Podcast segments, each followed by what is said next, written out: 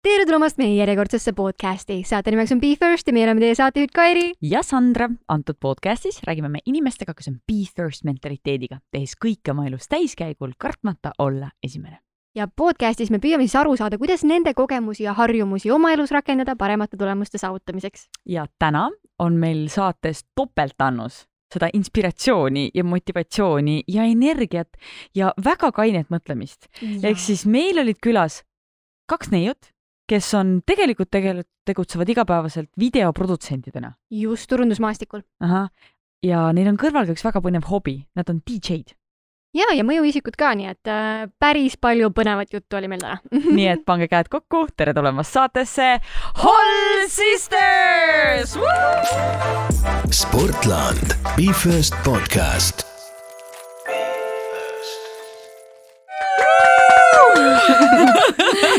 väga hea. neli naist stuudios, ma ei tea, kas see on hea või halb see on väga hea, see on nagu, tahtsin öelda girl power, aga siin on nagu isegi mingi. Women power. ja see on esimene kord, kui meil on neli naist saates. sa julged seda öelda või, kas sa mäletad nagu kõiki aga ei ole ju. no ma arvan ka, et ei ole, davai. Be first. ehk siis Triinu ja Laura, tere tulemast. tere. Teeme hääletuvastuse, teeme hääletuvastuse, kes on kes? tere, mina olen Triinu. mina olen Laura. väga hea, ma loodan, et publik, kuulajatele jäi meelde nüüd. no parem oleks nii, aga hakkame pihta. mänguaeg, kas te teate, mis teid ees ootab? aimame. aimata yeah. no,, väga hea. juhuks, kui meil on mõni uus kuulaja, siis me alustame esimeste mänguga alati, meie alustame lauset, teie lõpetate ja räägime teie esimestest mm. -hmm. kas te olete valmis mm -hmm.? tähelepanu, valmis olla. Kairi küsib, mina küsin või? me okay. oleme ju ära vahetanud selle, et sina küsid alati. okei okay., esimene töökoht hmm.. ma alustan näiteks või? jaa äh,. ma ei ole kindel, kas ma olin eradetektiiv või reisibüroo konsultant, aga ma võtsin neid ameteid väga tõsiselt. Need olid mu enda isiklikult, ma olin enda tööandja, ma mängisin vanaema kuuris neid. Triinu teab neid lugusid, mul oli nagu igast business'id sinna rajatud ja ma võin ütelda käsi südamel, et see oli nagu väga tõsine amet. Et nagu tõesti. palju sa endale palka maksid siis? Ma ei teinud seda raha pärast. Õige, õige. Dream life. Jaa, aga mul olid nagu nii detailideni kõik asjad, sellepärast et äh, ma olin see vend, kes, ma ei, ma ei oska niimoodi mängida, et, et näed, palun pood raha, mul olid nagu kupüürid tehtud mõlemapoolsed, kõik olid nagu täiesti viimase peal. Ja mulle, ma mäletangi see Pätt ja politsei, AK siis see kriminaaluurija detektiiv oli mu lemmik, sellepärast et ma reaalselt tegin äh, nagu kaustikuid nagu neid äh, toimikuid niimoodi, et ma Antilast või kuskilt hobihallist lõikasin inimeste nägusid ja ma tegin nad pättideks nagu reaalselt. seal olid kõik välja kirjutatud ähm,. kahju tegelikult nendest, kes seal modellid said minu kaudu seal. If they only knew mm.. kas need asjad on kuskil alles ka, et sa nagu saad veel tagasi vaadata või nüüd on juba mm,? vot neid toimikuid, kusjuures ma ei ole leidnud ma leidsin hiljuti ühe ässade klubi märkmiku, kus mul oli, ma olin ise see direktor. ja siis seal olid äh, mingisugused kooliaegsed sõbrannad, kes siis kuulusid sinna. et ma olen leidnud lõbusaid asju, aga seda kriminaaltoimikut ma ei ole leidnud, aga võib-olla see vanaema juures kuskil kuuri peal nii äge. see on, see on lause, mida ma poleks arvanud, et ma mitte kunagi oma elus kuulen.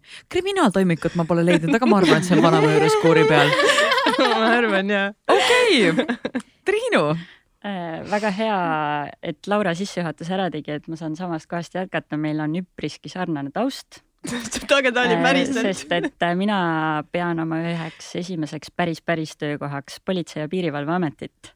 et ma mm. töötasin seal lausa kaks ja pool aastat ja kuigi ma pätte taga ei ajanud päriselt siis ja seal ametis ma töötasin ja ma tegin siis isikuid tõendavat, isikut tõendavaid dokumente inimestele ja menetlesin erinevaid taotlusi, nii et sihuke ametniku töö. Vau, kuidas sa siukse rolli peale sattusid esimese äh, tööna?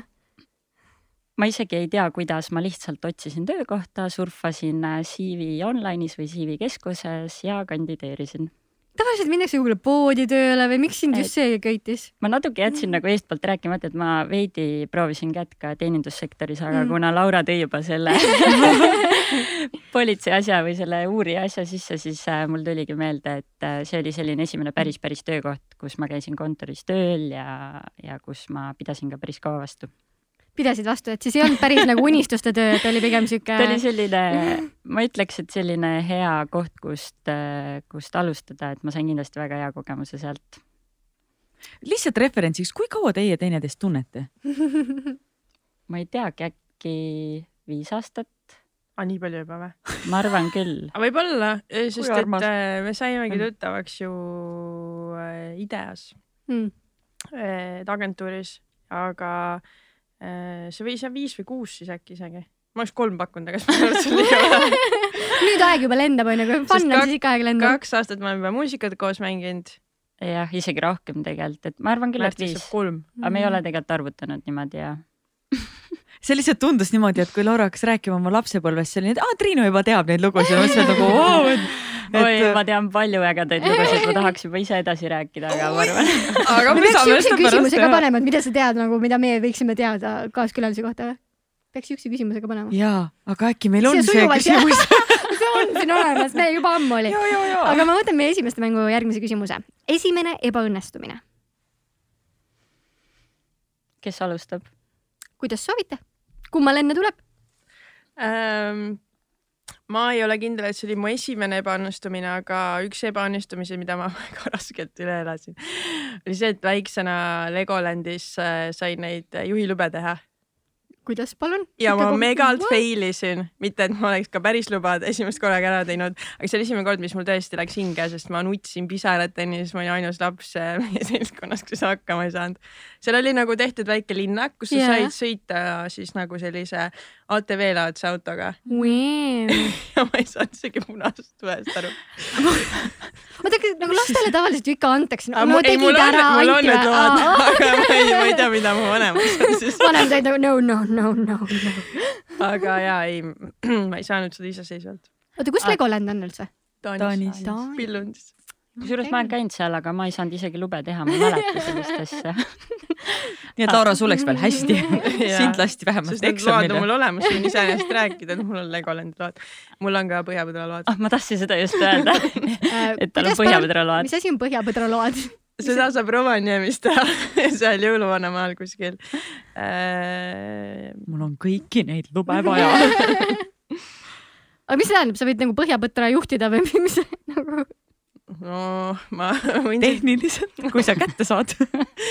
ma ei tea ja ma arvan, et äh, see tegelikult on äh, tore äh, turismiobjekt, et ma ilmselt mingi raja läbisin seal, aga jah. Need tulid lihtsamalt kui need Legolandi load, no seal ilmselt ei pidanud midagi tegema. nii et kui keegi tahab lube, siis äh, valige Lapimaa, mitte Taani. jah, Triinu, kuidas sinuga? mm,. Mul ei tulnudki nagu ühte konkreetset ebaõnnestumist tegelikult meelde. võib-olla tuli mingi selline tunne ainult, et äh, kui, mul ei tule ühesõnaga ühtegi konkreetset, aga ma käisin tantsimas ja osalesin võistlustel ja ma arvan, et see on seotud sellega, kui olid mingid võistlused äkki ja hästi suur selline pinge ja võib-olla läks midagi sassi, sest ma tantsisin grupis, kus pidi alati sünkroonis tantsima, et täpsustatud võib-olla grupi nimega täpsustatud. Semiiris tantsisin, me nagu oleks rääkinud sellest siin viimased paar episoodi. et, et jah, mul ei tulnud nagu ühtegi konkreetset faili, aga ma arvan, et see oli jah seotud mingisuguse olukorraga, kui midagi läks sassi või treeningud olid hästi pingelised enne võistluseid ja, ja tundsin, et äh, peaks rohkem pingutama, et midagi sellist. see, see Miir on mingi imeline grupp lihtsalt, kõik andekad ilusad inimesed tulevad sealt. jah, ma hakkasin tõesti mõtlema, et, et Semir on kuidagi väga viimast, viimastel ajal nagu väga esindatud siin meie podcast'is. Tuuli rääkis ja Kristel rääkis ja sina. peab no mõtlema. me oleme ühest kohast lihtsalt. ei, väga tore, et meil saarlased ka käivad siin, muidu on ainult Tallinna inimesed. ja üks võrokas. kus sa oled Pärnust või? Mhm. lehvitasime vot see oli bonding, see oli bonding praegu. nii me oleme vaata harjunud üle jõe vaata nagu, et noh, ühele poole, teisele poole. ja, ja ku- kusjuures päris huvitav oleks kuulda, et kuskohast meie kuulajad meid kuulavad. andke teada meile oma, oma, oma kommentaariga Youtube'i video alla. jah, sest mujal ei saa kommenteerida. võite meile ka. Sandraga lihtsalt kirjutada, aga noh, ärge palun kirjutage ärge kirjutage, pange kommentaaridena. nii, aga kuna me ju sotsiaalmeedia peale läksime, siis mis oli teie esimene sotsiaalmeediakanal? reit.ee ma arvan, et ma arvan ka, et Reit, ma oleks Orkut öelnud, aga vist ikkagi Reit. Urgut oli pärast ju ja Jaa. vist küll ja, kas te oma kasutajanimest ka mäletate? mm. -hmm. ja ahoi Smile Linux. ja kus aga mina just arvasin, et mul on mega hipp nimi nagu sihuke. siis Ahoi. kõik ütlesid, et see on mingi meremehe Jaa. nimi, aga see oli üksikute tähtedega, nii et see oli, ma olin isegi Reidi erilistes, sellest tegelikult mul on ka lapsepõlvetrauma. nii. ma tegin vanaemaga pildi, sellesama, kelle kuuris ma neid kriminaaltoimikuid hoian äh, niimoodi, et ma panin talle vanakooli Adidase dressi, siis mingi Volcomi siukse oldschool mütsi ja siis tegin pilti, näitasime mõlemad Hevi, ei Hevi käib nii, igatahes.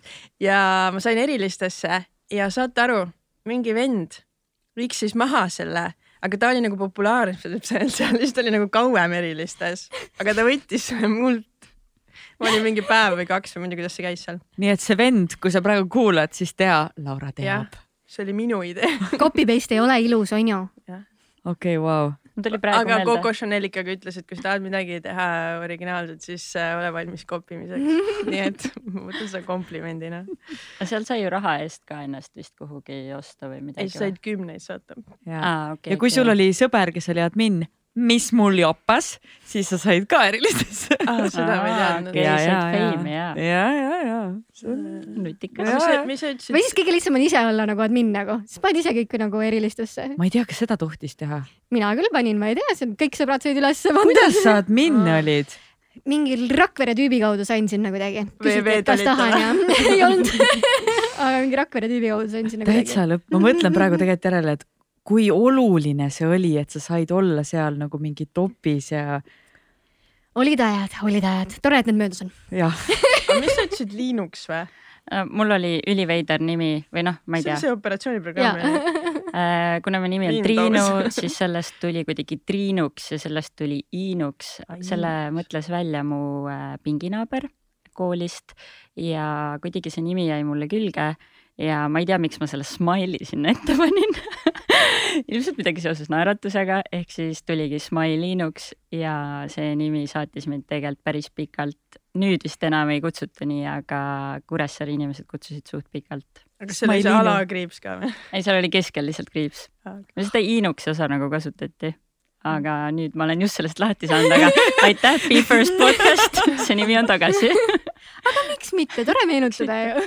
see toote mulle meelde, et kas te kirjutasite ka oma bios igal pool X-ide ja asjadega mingid imelikud tähed olid ja mingid koolonid ja mingid siuksed asjad. mitte kunagi. ma ka ei ole seda kasutanud kunagi, ma tean, et osad tegid seda ka, et suur täht, väike täht, suur täht, väike täht, ma ei ole seda ka teinud tegelikult mega weird, ma vaatasin, vaata Reidis sa saad vaadata tagasi oma nagu seda kontot onju ja siis vaatad lihtsalt mingi hetk toimub mingi switch, kus sa lähed normaalse eesti keele peale, et enne seda on mingi reaalselt, et kui sul on kaks i-d, siis sul on i ja koolon no, miks ma lihtsalt kahte i-d ei kirjutanud? Mina et- näiteks äh, äh, olin üldse vist natuke maha jäänud selle kasutamises, et ma ei saanud sellest alguses aru, et number kahte ä asemel kasutati ja siis ma ei saanud aru, et miks nagu osadel on need kahed. ja siis, kui ma üks hetk sellest aru sain, siis ma olin mingi, aa, okei okay. aga no ma ei hakanud ikka kasutama seda sest mul olid täpitähed olemas. no väga hea, piinlikud äh, kasutajanimed on öeldud, võtame järgmisena ette piinlik moment.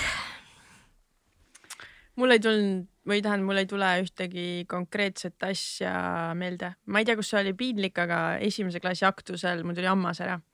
ja siis äh, ma hoidsin seda põses ja siis ma läksin, mul oli suu järgi täis. ma hoidsin põses ja siis ma läksin direktori Taavitsat võtma siis ma nagu ei julgenud nagu, no ma ei saanud suud lahti ajast, ma ütlesin mm, aga mu ema on öelnud, tal on selle pärast piinlik, sest umbes ei saanud mulle, ta tegelikult ei teadnud, et mul see põses on ja siis ta on öelnud, et tunneb ennast nii halvasti sellepärast, et tal oli nagu piinlik sellepärast, et, et ta oleks muidu öelnud, sülita välja või vaata, pole hullu, et tal oli nagu jah. aga milline tahtejõud. ja mm, oli keelega nagu mm, kuni tuli ära. okei okay. Triinu, räägi midagi head peale. Mul äh, lapsepõlvest või nagu esimest piinlikku momenti ei tulegi meelde, mul on neid tegelikult väga palju olnud. aga mis mul meelde tuli siin praegu, mm, mõned aastad tagasi, kui me Lauraga ühes agentuuris töötasime veel, siis ma hakkasin minema esimest korda puhkusele ja seadistasin siis äh, omale puhkuseteadet. Mul oli Mac. Ja siis ja, ja veel see viimane päev ja viimased paar tundi enne tööpäeva lõppu, mis on nagu eriti tihedad veel hästi palju emaile välja saatnud ja hästi kiire on kõik otsad kokku tõmmata ja siis mul äh, juhtus selline asi, et ma jätsin kuhugi mingi linnukese panemata. ja ma saa-, mu postkast siis saatis välja kõikidele, kellele ma üldse olen kunagi kirjutanud, mitte nendele inimestele, vaid kõikidele kirjadele teate, et ma nüüd puhkan ehk siis ma tegin kõigile väga selgeks, et, äh, ma olen nüüd puhkusel nädal aega. kõik oli jah mingi saa üle. ja, ja ma hakkasin, kuna mulle üks klient ka helistas, et nii, temal on nüüd arvuti katki, et äh, temal on kõik umbes, et mida ma teen, siis ma hakkasin muidugi nutma äh, siis ma, ma proovisin helistada IT-abisse ja igale poole, aga noh, damage was done ja jah, siinkohal tervitakse kõiki inimesi, kellel on sama asi juhtunud. Äh, tegelikult ma tunnistan üles, et ma nutsin veel õhtul kodus ka. ja sel hetkel ma tundsingi, et minust ja Laurast saavad väga head sõbrannad. Laura tuli mul ukse taha ja ma pidin minema Korfu saarele reisile, siis ta tõi mulle sihtkoha kohta raamatu ja veel midagi. ja, ja siis kuidagi ma saingi aru, et pole mõtet nutta, et äh, peaks äh, lihtsalt minema puhkust nautima aga jah, see oli väga-väga piinlik ma olen enam kui kindel, et enamus inimesed, kellel on äh, Apple Mail ja kes on pannud puhkuseteavitust, on korra sellesse ämbrisse astunud nagu. nüüd nad on selle ära fix inud, sa ei pea seda linnukest panema niimoodi ma ei usu, ma ei usalda. aga reaalselt mul oli ka iga kord, kui ma panin seda puhkuseteavitust, siis ma võtsin selle kõrvale, võtsin how to vaata, et kas linnukesed on kõige koha peal, kas ma saan õigesti aru. see päriselt saadab kõigile nagu, kirjadele nagu,. kui ma olen sulle kirjutanud kakssada kirja, siis sa saad kakssada korda mu käest, et ma puhkan. jaa, wow, this is not passive aggressive at all no see on nagu rets ja sa ei saa seda peatada mitte kuidagi, sa saad aru peale mingit esimest kolme meili vaata, et oh-oh, oh-oh. aga päris hea, et sa nüüd saad selle üle naerda lihtsalt nojah, ütleme, ütleme vi, viis aastat hiljem juba naeran, aga alguses oli ikka. neli pool oli veel nutu nutuvõru ümber suu ja, ja ma olen nüüd hiljem saanud ka teistelt inimestelt ja siis ma näen, it happened again aga päris hea on see, et huh, ma pole ainus uh,. okei uh,, muusika teeb alati tuju heaks, rääkige, mis oli teie esimene lemmiklaul? ma ütlen ausalt ära, et ma ei tea ma, mul, mul ei tulegi sellist äh, ühte lemmiklaulu pähe. ma ei tea, Laura, mis sul? ma ei ole kindel, kas see võis olla Venga poisi albumilt midagi või mm. Kuldselt triolt ikkagi pärnakas, aga ma arvan, et see võis olla Venga poisi see üks pitsalaul, pärast muidugi tuli välja, et nad oh. laulavad Ibitsast. saad aru, ma eile õhtul kodus mõtlesin, et mul on, on Venga poiss äkki, aga ma mõtlesin, ma ei hakka ütlema aga ma olen nende lugudega nii palju puitu pannud ja ma sain äh, päris hiljuti teada, okei okay,, mitte nii hiljuti, aga teate Nelli seda Ride with me'd uh? -huh. ma olin nagu veendunud, et mind kutsutakse pulma seal laulus. tegelikult ütleb hey, must be the money ja ma laulsin nagu väga kaua hey, come to the wedding ja nüüd, kui ma üritan seda kuulata, ma ei tea, kuidas kuidas ma niimoodi kuulsin, aga ma laulsin seda väga pikalt. Come to the wedding, seal on väga see... konkreetselt aga mul oli lapsena samamoodi, et äh, ma ei teadnud veel nii hästi ingliskeelseid sõnu ja siis nagu kuulmise järgi noh, ikkagi vahel on mingi slängis või kuidagi hästi kiirelt, et siis tegelikult nagu mõtlesid mingid oma sõnad välja Aha. ja nii läks. aga ja ma ei tea, mul lemmiklaul ei tule, me õdedega ka tantsisime hullult vengapoisi järgi, ma mäletan ja mu isa kuulas Träna suht palju et midagi sealt, sest lapsena ikka meeldis mm, -hmm. et mhm. mingi tümb pandi peale ja siis see tundus hea. et äh,. mingi Britney Spearsid, see tunduks siuke tšikk ei, mul oli, mul on sellega kusjuures lugu, et äh, mul, äh, ma elasin kortermajas ja seina taga naaber, tüdruk minust paar aastat noorem, oli hull Britney Spearsi fänn ja ma tean, et tal olid alati kõik mingid pla plaadid ja tal olid mingid mina ei tea, Mikker jah, et kogu aeg nagu jäljendas seda ja talle väga meeldis Britney Spears. ja siis ma nagu natuke tundsin, et mulle peab ka meeldima, aga tegelikult ma ise ei fännanud seda. ma ei tea, ikka Britney ja Spice Girls nagu, no see on ikka osa ajaloost ah,, no peab ikka olema ikka, lood peavad peas olema.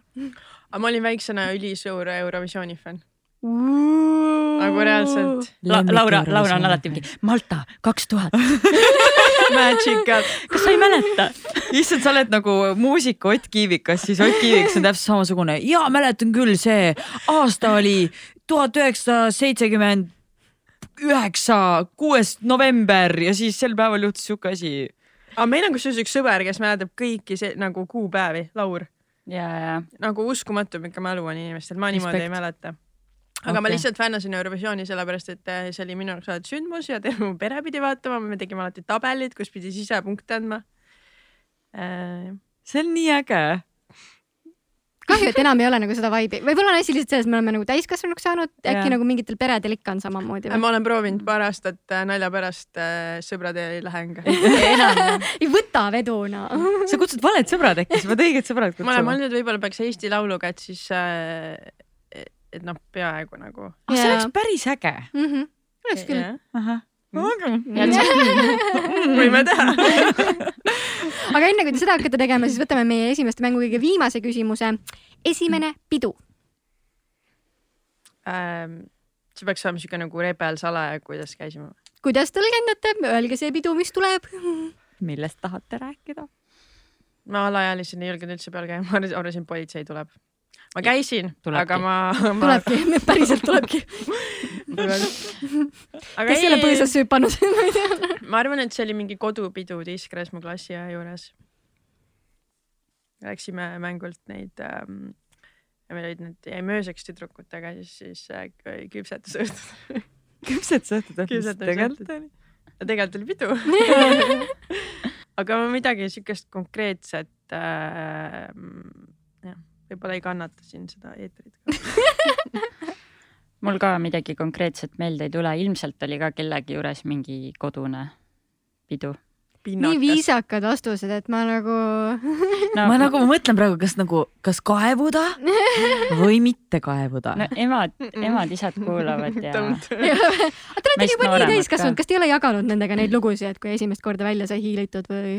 Äh, oleme, minu Mm. ma mäletan no, see, kunagi oli ülipopp äh, vesipiipu vaadake teha Mhm. mm -hmm. ja siis äh, äh, meil oligi tegelikult niimoodi, et äh, minul olid äh, klassikaaslased ikkagi nagu rebelimad kui mina, ma olin hästi sihuke, ma ütleks, et oivik, aga ma olin tagasihoidlik ja ma olin hästi ebakindel endas ja ma olin arg. ja siis äh, ja häbelik. aga igatahes ma mäletan lihtsalt, et äh, üks äh, klassiõde pidas blogi ja siis teise klassi ja ema luges äh, tema blogi ja siis see tuli välja ja siis ma sõitsin emaga Maltale ja siis terve lennutee nagu ema küsib, et mis juhtus midagi või mis sul on? ma olen mingi. ma olen umbes õlut proovinud, ma olen veini proovinud, ma olen džinni ja ma olen vesipiipu ka teinud. kõik kõlas välja nagu, et, et ma kartsin, et tema, et kas talle on see ilmselt nagu juba saadetud midagi, siis ta mingi nojah, aga ma ei tea, millalgi peab ikka proovima, et pole hullu umbes. aga see oli, see oli esimene see suur kivi, mis tõesti nagu äh, see see raskus, mis ära läks.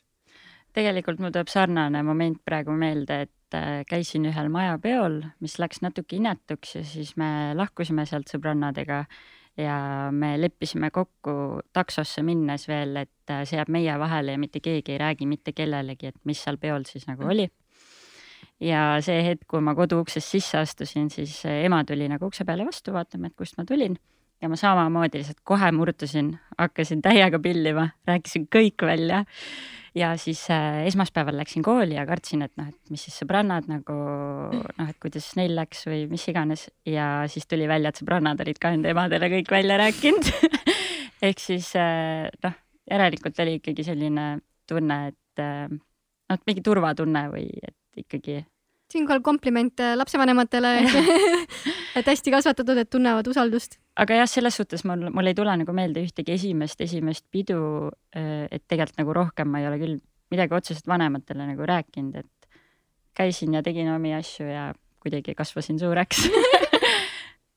nagu me kõik. jah, Sorry, ma lihtsalt suunisin täiega ära, ma hakkasin oma esimese peo peale mõtlema ja see on kas nagu. see on hea plaan, kas see on hea plaan, Sandra? Sest meil ei ole seda küsimust olnud varem onju, te olete esimesed, kes selle küsimuse saavad. jah, tõmbasite meist selle välja. ühesõnaga, nii, ma olen tagasi teiega. tere tulemast, jätkame siinkohal siis meie regulaarse programmiga, milleks on tööjutud ja teie puhul on siis selline lugu, et te olete mõlemad turundusvaldkonnas, enamus inimesed teavad teid tõenäoliselt DJ-dena onju, aga te olete turundusvaldkonnas. Te olete mõlemad videoproduktsioonis mm. -hmm. kuidas te sinna jõudsite mm,? mina äh, õppisin BFM-is ja siis äh, äh, ma õppisin audiovisuaalset meediat, kus põhimõtteliselt ma sain siis kõik baasteadmised sellest, äh, kuidas äh, filmimine käib ja kõik nitty-gritty, mis sinna juurde käib. ja siis ma läksin viimase kursuse lõpus Ideal, see on siis reklaamiagentuur, oli praktikaprogramm ja siis ma läksin praktikale.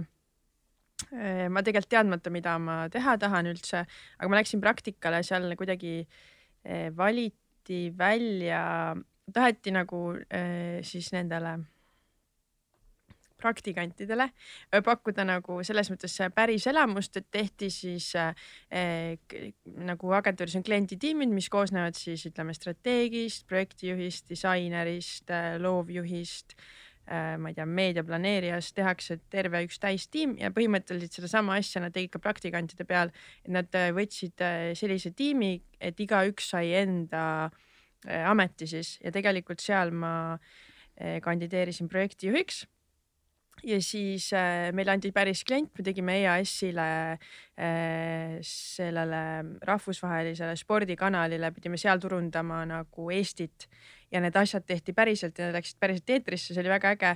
ja siis lihtsalt sealt kuidagi äh, idea, tol ajal ei olnud väga levinud, et agentuuridel on enda videotiimid, sest nad ikkagi võtsid allhangetena mingitelt produktsioonifirmadelt neid asju aga kuna meil oligi tol hetkel äh, selline klient, kes vajas hästi palju mingeid lühiintervjuud ja asju, siis saadi aru, et, et mõõtekas on äh, see, kui see äh, kompetents on majas olemas. ja siis see agentuuri videotiim siis nii-öelda, ma hakkasin abistama seal olevat produtsenti ja siis kuidagi ma jäin nagu väga kauaks praktikale et aasta hiljem ka kohvinurgas, kuidas mingi meediaosakonna mingi tüdruk küsib, et kuule, et Laura, et kaua ta on siin siis keegi mingi, kuule ta töötab siin ammu. et äh, mina sattusin niimoodi, et siis äh, nagu selle inimese tuules ma õppisin äh, produktsendiks. ja siis projektid järjest kasvasid suuremaks. sinu kord aitäh ja väga tore, et sa kasutasid sõna nitty-gritty vürtsitab natuke. Äh, mina ülikoolis produtsendiks ei õppinud, õppisin muid asju aga kuidagi ühesõnaga samas agentuuris, kus Laura töötab, seal olin projektijuht ja mingil hetkel äh, mõtlesin, et proovin äh, siis ka produtsendi tööd, et avanes võimalus edasi liikuda äh, sinna, kus ma praegu töötan. ja peamiselt ma õppisingi teistelt inimestelt ehk siis töö käigus, alguses küsisin Lauralt mingeid asju ja, ja siis noh, kasutasin ära kõiki projektijuhi omadusi ja lihtsalt proovisin nagu valdkonna spetsiifilisi asju ise õppida nendelt, kellega koostööd tegin, platsil kogu aeg silmad-kõrvad lahti ja niimoodi see tuli. mida, mida üks produtsent teeb üldse? kõike sebib. kõike, mida vaja teha on ja rohkemgi veel. no tooge mõni näide nagu, milline teie nii-öelda projekt välja näeb, et mida te ühe projekti jaoks tegema peate? See oleneb projekti eelarvest. võtame üliväikse, sihuke kolmetuhandene sotsmeedia video. seda tähendab, et meie ah. peame eriti palju asju tegema, sest ei ole palgata. pange see list ette, nii no eks see sõltub kõigest, kõige rohkem ka sellest sisust, et mida ikkagi on vaja teha. aga vahel tõesti otsid mingeid, no viimane kord, mis minu jaoks äh, äh, mul ei olnud lokatsiooni mänedžeri ja siis ma pidin ise tegelema Lasnamäe linnaosavalitsusega ajutise tänava sulgemislubadega ma pidin saama selle viie tunniga, kuigi tegelikult vist on kaks nädalat äh, see taotlusaeg. et nagu, nagu igast asjadega me oleme otsinud kanu, me oleme otsinud äh.... merisiga on meil olnud ja kukk, täitsa tore kukk oli. kas see oli kukk Portos ma ei mäleta et äh, noh, tegelikult tuleb briif, tuleb idee kas siis ise mõelda või juba kellelgi on olemas see ja selleks, et see ära teostada, peadki hakkama järjest organiseerima, väikseid probleemikesi lahendama, et jõuda siis põhimõtteliselt me peame lihtsalt olema leidlikud ja nagu selles mõttes me peame üle kavaldama süsteemid, et mm. -hmm. et koduste vahenditega tihtipeale mingeid asju saavutada. Nii, palun tooge mõni näide, see kõlab väga põnevalt hmm. võib-olla see sellise muusikavideo, seal sa pidid äh, väga palju asju tegema. ah, ja neid asju on nagu nii palju, et ma ei teagi, mida siin nagu rääkima võid ühe tuua. no lihtsalt ei, tegelikult äh, mõnikord on see, et nagu Laura ütles, siis äh, näiteks eelarvet ei ole, pead äh, omade vahenditega asjad ära tegema. et näiteks ükskord oligi see, et meil oli äh, mingite pelmeenide ja frikadellide võte ja lõpuks äh, lõpuks oligi see, et selle võttepäeva ajal ma lihtsalt vist äkki mingi viis tundi järjest praadisin neid niimoodi, et äh, ma mõtlesin, et ma elu sees ei söö enam selliseid asju. Aga lihtsalt noh, see läks küll üle mingi ajaga, aga lihtsalt äh, saingi aru, et this is what I actually do. Aga see ei ole alati nii, et tegelikult enne võttepäeva käib ikkagi väga suur töö ära ja pärast seda võttepäeva või päevi jätkub ka töö veel postproduktsiooniga ja siis näitlejatöö ole ka võõras, sest ma arvan, et ma olen olnud mingi kümnes reklaamis, mis ma olen ise teinud küll, lasteaiakasvataja, õpilane, apteegis mingi ostja nagu mingid õlgu käsi, neid nagu igal pool alati pead andma, kui on nagu puudu kedagi. ja kindlasti pead oskama ennast hästi-hästi nunnuks ja haledaks teha, et ma olen pidanud väga paljudele inimestele helistama ja lihtsalt nagu paluma, et nad oleksid mingi asjaga nõus Mm -hmm. Või kui midagi läheb kusagil katki või juhtub, siis ka selle vastutuse pean enda peale võtma ja siis kuidagi proovima vabandada ja jõuda selleni, et ikkagi ei jääks nagu halba maiku suhu, et ühesõnaga peab lihtsalt kõik olukorrad oskama kuidagi ära lahendada. ja julge peab olema. mu ema just üks päev äkki küsis, kas ma mäletan, et väiksena ma ei julgenud äh,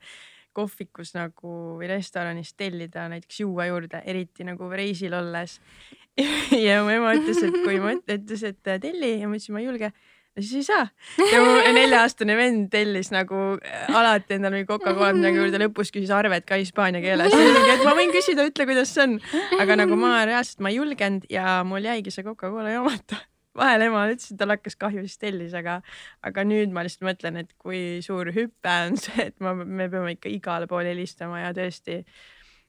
Jah, no kust te võtate selle julguse, see on nii awkward, eriti kui sa pead mingi suurele staarile helistama ja tahtma midagi tast, et Äh, ma sain üks hetk aru, et äh, ta ei näe mind nagu telefonis. Et äh, ja tavaliselt ta isegi, kui ma helistan, ta ei tea isegi, mis mu nimi on. Mm. -hmm. aga ja alguses ma mäletan ka, et ma pidin helistama minu arust kas äkki Hendrik Kalmetile. Ja siis ma olin, issand jumal, ma ei julge tõesti, no täiesti, mida ma teen nagu, et nagu ja siis mingi hetk noh, ma lihtsalt mõtlen, et, et nad on ju tegelikult samasugused inimesed kui meie.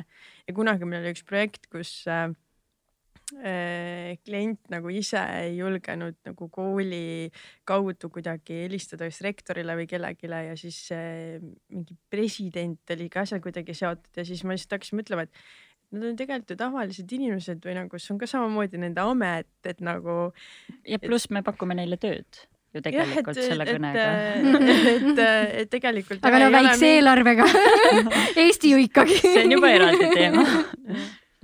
ja saadki aru, et sa lihtsalt nagu noh, sa oled messenger selles suhtes, et nagu please don't kill us. aga see julguse teema, ma olen sellele ise ka mõelnud, et see ikkagi tuleb äh, suures osas kogemusega, et tegelikult, kui sa juba tead, kuidas sa asju teed, mida sa saad lubada ja mis seal taga kõik on, kui sa oled nagu hästi kindel selles, mida sa teed, siis ei ole probleem võtta telefon ja kasvõi kohe helistada. aga kui sul on mingi ebakindlus või sa tegelikult täpselt ei teagi, mida sa üldse pead vahendama, et siis on ka see, et jääb julgusest vahel puudu. see on kõik tegelikult põhjendatav kui palju teil siukseid olukordi on olnud, kus te peate nagu sõpradel või perel laskma nagu, et kuule, mul on nii väike budget, et lihtsalt mul on vaja, et keegi tuleks appi nagu, et. no ikka on Ehm, kusjuures no sõp-, sõpru küll, aga tegelikult ma ei ütlekski, et nii palju. võib-olla ikkagi jah, vastu on tuldud ja olen kutsunud sõprade kaudu, aga üldiselt ikkagi saavad ju oma tasu ka, lihtsalt võib-olla jah, mitte nii, nii, suure, aga sellise, mulle meeldib alati nii mõelda, et, et küsida, et äh, mis see inimene ise soovib mingi asja eest. Ja siis vaadata, et kas me saame seda pakkuda ja et, et ikkagi ta oleks ka rahul. ja mõnikord inimesed ei küsigi üldse nii palju ja üliäge on see, et ma olen oma töös kohanud nii palju inimesi, kes on lihtsalt äh, ülivabalt nõus alati aitama mingi, lubama oma autot filmida, mis iganes. kui teisalt sa otsid nagu kuskilt avalikust ruumist a la Facebookist yeah. ja siis tulevad nagu ülikallid pakkumised et siis, kui mõned inimesed on nagu üli-üli chill'id, kes lubavad oma kodus filmida ja mida iganes, kui me jätame perest kõik puhtaks, siis ma alati nagu olengi neile hiljem kirjutanud ka, et aitäh, et sa nii chill oled lihtsalt. Ja tegelikult äh, vahel on ka ikkagi niimoodi, tõesti mõni inimene ei julge küsida või ei teagi, mis mingi asi maksab, et siis äh, ja vahel ongi alati tore, et saab teistpidi ka, et kuule, et äh, tegelikult, et me anname rohkem, et selles suhtes, kui mul on mingi eelarve, et see ma ei, ma ei nagu ei, ei vea talle nahka üle kõrvade mm, -hmm. et siis selles suhtes ikkagi siis noh, tahan ikkagi, et inimene saaks nagu ausa tasu aga tihti on ka see, et, et keegi küsib, et, et noh, et mis su eelarve on või et mis sa nagu peaksid või noh, ühesõnaga küsib ise nagu, et ma ei oska, see ka, et minu arust, et ma ei oska inimese tööd hinnastada, et samas mulle meeldiks, kui inimene siis ütleb, mis tema töö väärt on mm, -hmm. et mul ei ole õrna aimugi, mis oleks mingis eluvaldkonnas okei okay summa, et siis äh,, aga jah. Jah, jah, mulle meeldib ka siis pigem küsida, et mis sa, mis sa ise sooviksid selle eest. jah. Uh. Aga kas, kas teil tuleb pähe mõni selline projekt, et äh, mille te, ma ei tea, pakkusite visiooni välja, see on nagu üliäge visioon. Ja siis saate, saate aru, et uh, selle jaoks ei olegi nii palju raha, aga samas see, see, samas te tegite selle ära ja nüüd te mõtlete tagantjärele, et vau wow,, sellise asja tegime sihukese eelarve seest. ja, ja on küll. Nii. Äh, tegelikult ülitihti tuleb seda ette, aga minu arust aina ägedam ongi see tegelikult, et et äh, saab teha ka soodsama eelarvega väga ägedaid asju, lihtsalt äh, see idee peab kohe olema nagu mõeldud sinna eelarvesse, et äh, kui sul ongi mõeldud see üli-üli-detailne hästi,, hästi-hästi kallis idee ja siis sa hakkad sealt igalt poolt nagu maha kustutama natukene, siis see tulemus ei pruugi olla nii äge. aga kui sa kohe tead seda väiksemat eelarvenumbrit ette, siis sa võid hoopis teise nurga alt mingi üliägeda teostuse sellele mõelda ja tegelikult ei ole vahet, kas eelarve oli sel juhul seitse tuhat või seitseteist tuhat, et äh, kui jah, kui alguses kohe tead, et on vähem raha, siis lihtsalt tasub see idee kohe sinna raamidesse mõelda. Minu küsimus on see, et mida nende videodega tehakse, okei okay, mm., pannakse nüüd viiskümmend kuus tuhat onju, tehakse mingi video valmis, mis sellest edasi saab, telekat keegi enam ei vaata onju, vanasti tehti telesse mis, mis nüüd sellest siis saab, kuhu see video läheb ja kas see reaalselt tasub ennast ära ka kuidagi? ma vahepeal ütleks. internetti. internetti, nii. mu arust vaadatakse viimasel ajal väga palju telekat. mina ei vaata, mina ei vaata, aga ma olen no, saanud aru, et vaadatakse. kes see vaatab telekat? mina vaatan, ma vaatan Maskis lauljat ma iga kord olen nende reitingu numbrite üle ka nagu, et palun öelge mulle, kes see vaatab telekat. minu tutvusringkonnas ei ole inimesi, kes telekat vaatavad, kõik vaatavad Netflixi nagu mul, ma vaat-, mulle meeldib, äh, ma olen tegelikult väiksest peale, mulle meeldivad äh, Eesti näitlejad ega asjad, mulle, ma vaatan vahel ka Eesti sarju. aga telekast või TV3 Playst või kuskilt siuksest kohast? nagu ikkagi järelvaatamisega järelvaatamisest või ah,, aga ma vahel vaatan ka reklaamid ära lihtsalt äh, nagu äh, siis professionaalsest huvist. mu elukaaslane ei saa kunagi aru, et miks ma neid vaatan. aga nagu või siis see, et tahaks näha, kas minu reklaam jookseb et või lihtsalt äh, lahe vaadata, et tegelikult tihti on see ka, et kui on näiteks kuldmuna Mm -hmm. siis vaatad asju, mõtled, et ma ei ole kunagi näinud neid asju mm. -hmm. et äh, juba sellepärast. vaatama. ei, aga lihtsalt tõesti mingid asjad või noh, eriti näiteks kas mingisugused prindid või asjad, see ei pruugigi minuni jõuda näiteks mm -hmm. või kuskilt, mhm. et, et, et neid asju on tegelikult nii palju, sa vaatad, issand, kui ägedad asjad. et siis äh, mulle vahel meeldib meelega reklaame vaadata ja nii palju, kui ma telekat vaatan, siis ma ka üldiselt väga edasi ei keri.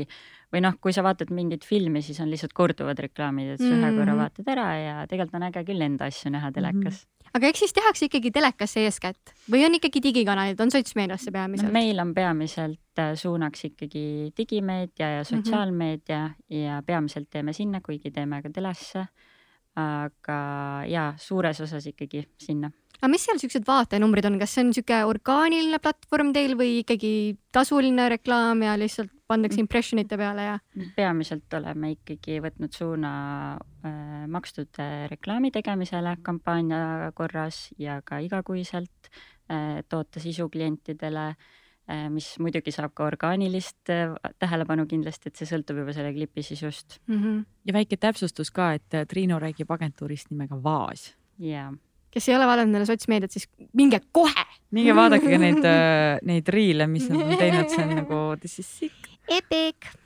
aga ja kindlasti ma arvan, et tele ei ole välja surnud ja telesse tehakse ikka ka lihtsalt, kui klient äh, tahab teha ühte suurt kampaaniat, siis sõltubki, et mis ta sihtrühm on, et kui nad kindlasti istuvad teleka ees, siis tasub seda teha. ja miks mitte kasutada ära kõiki kanaleid, et sa toodadki äh, sarnases äh, stiilis asja telesse ja siis kohandad teda sotsiaalmeediasse sobivaks. et äh, need loogikad on natuke erinevad, aga nii sa saad kõige paremad tulemused. sõltub muidugi sihtrühmast.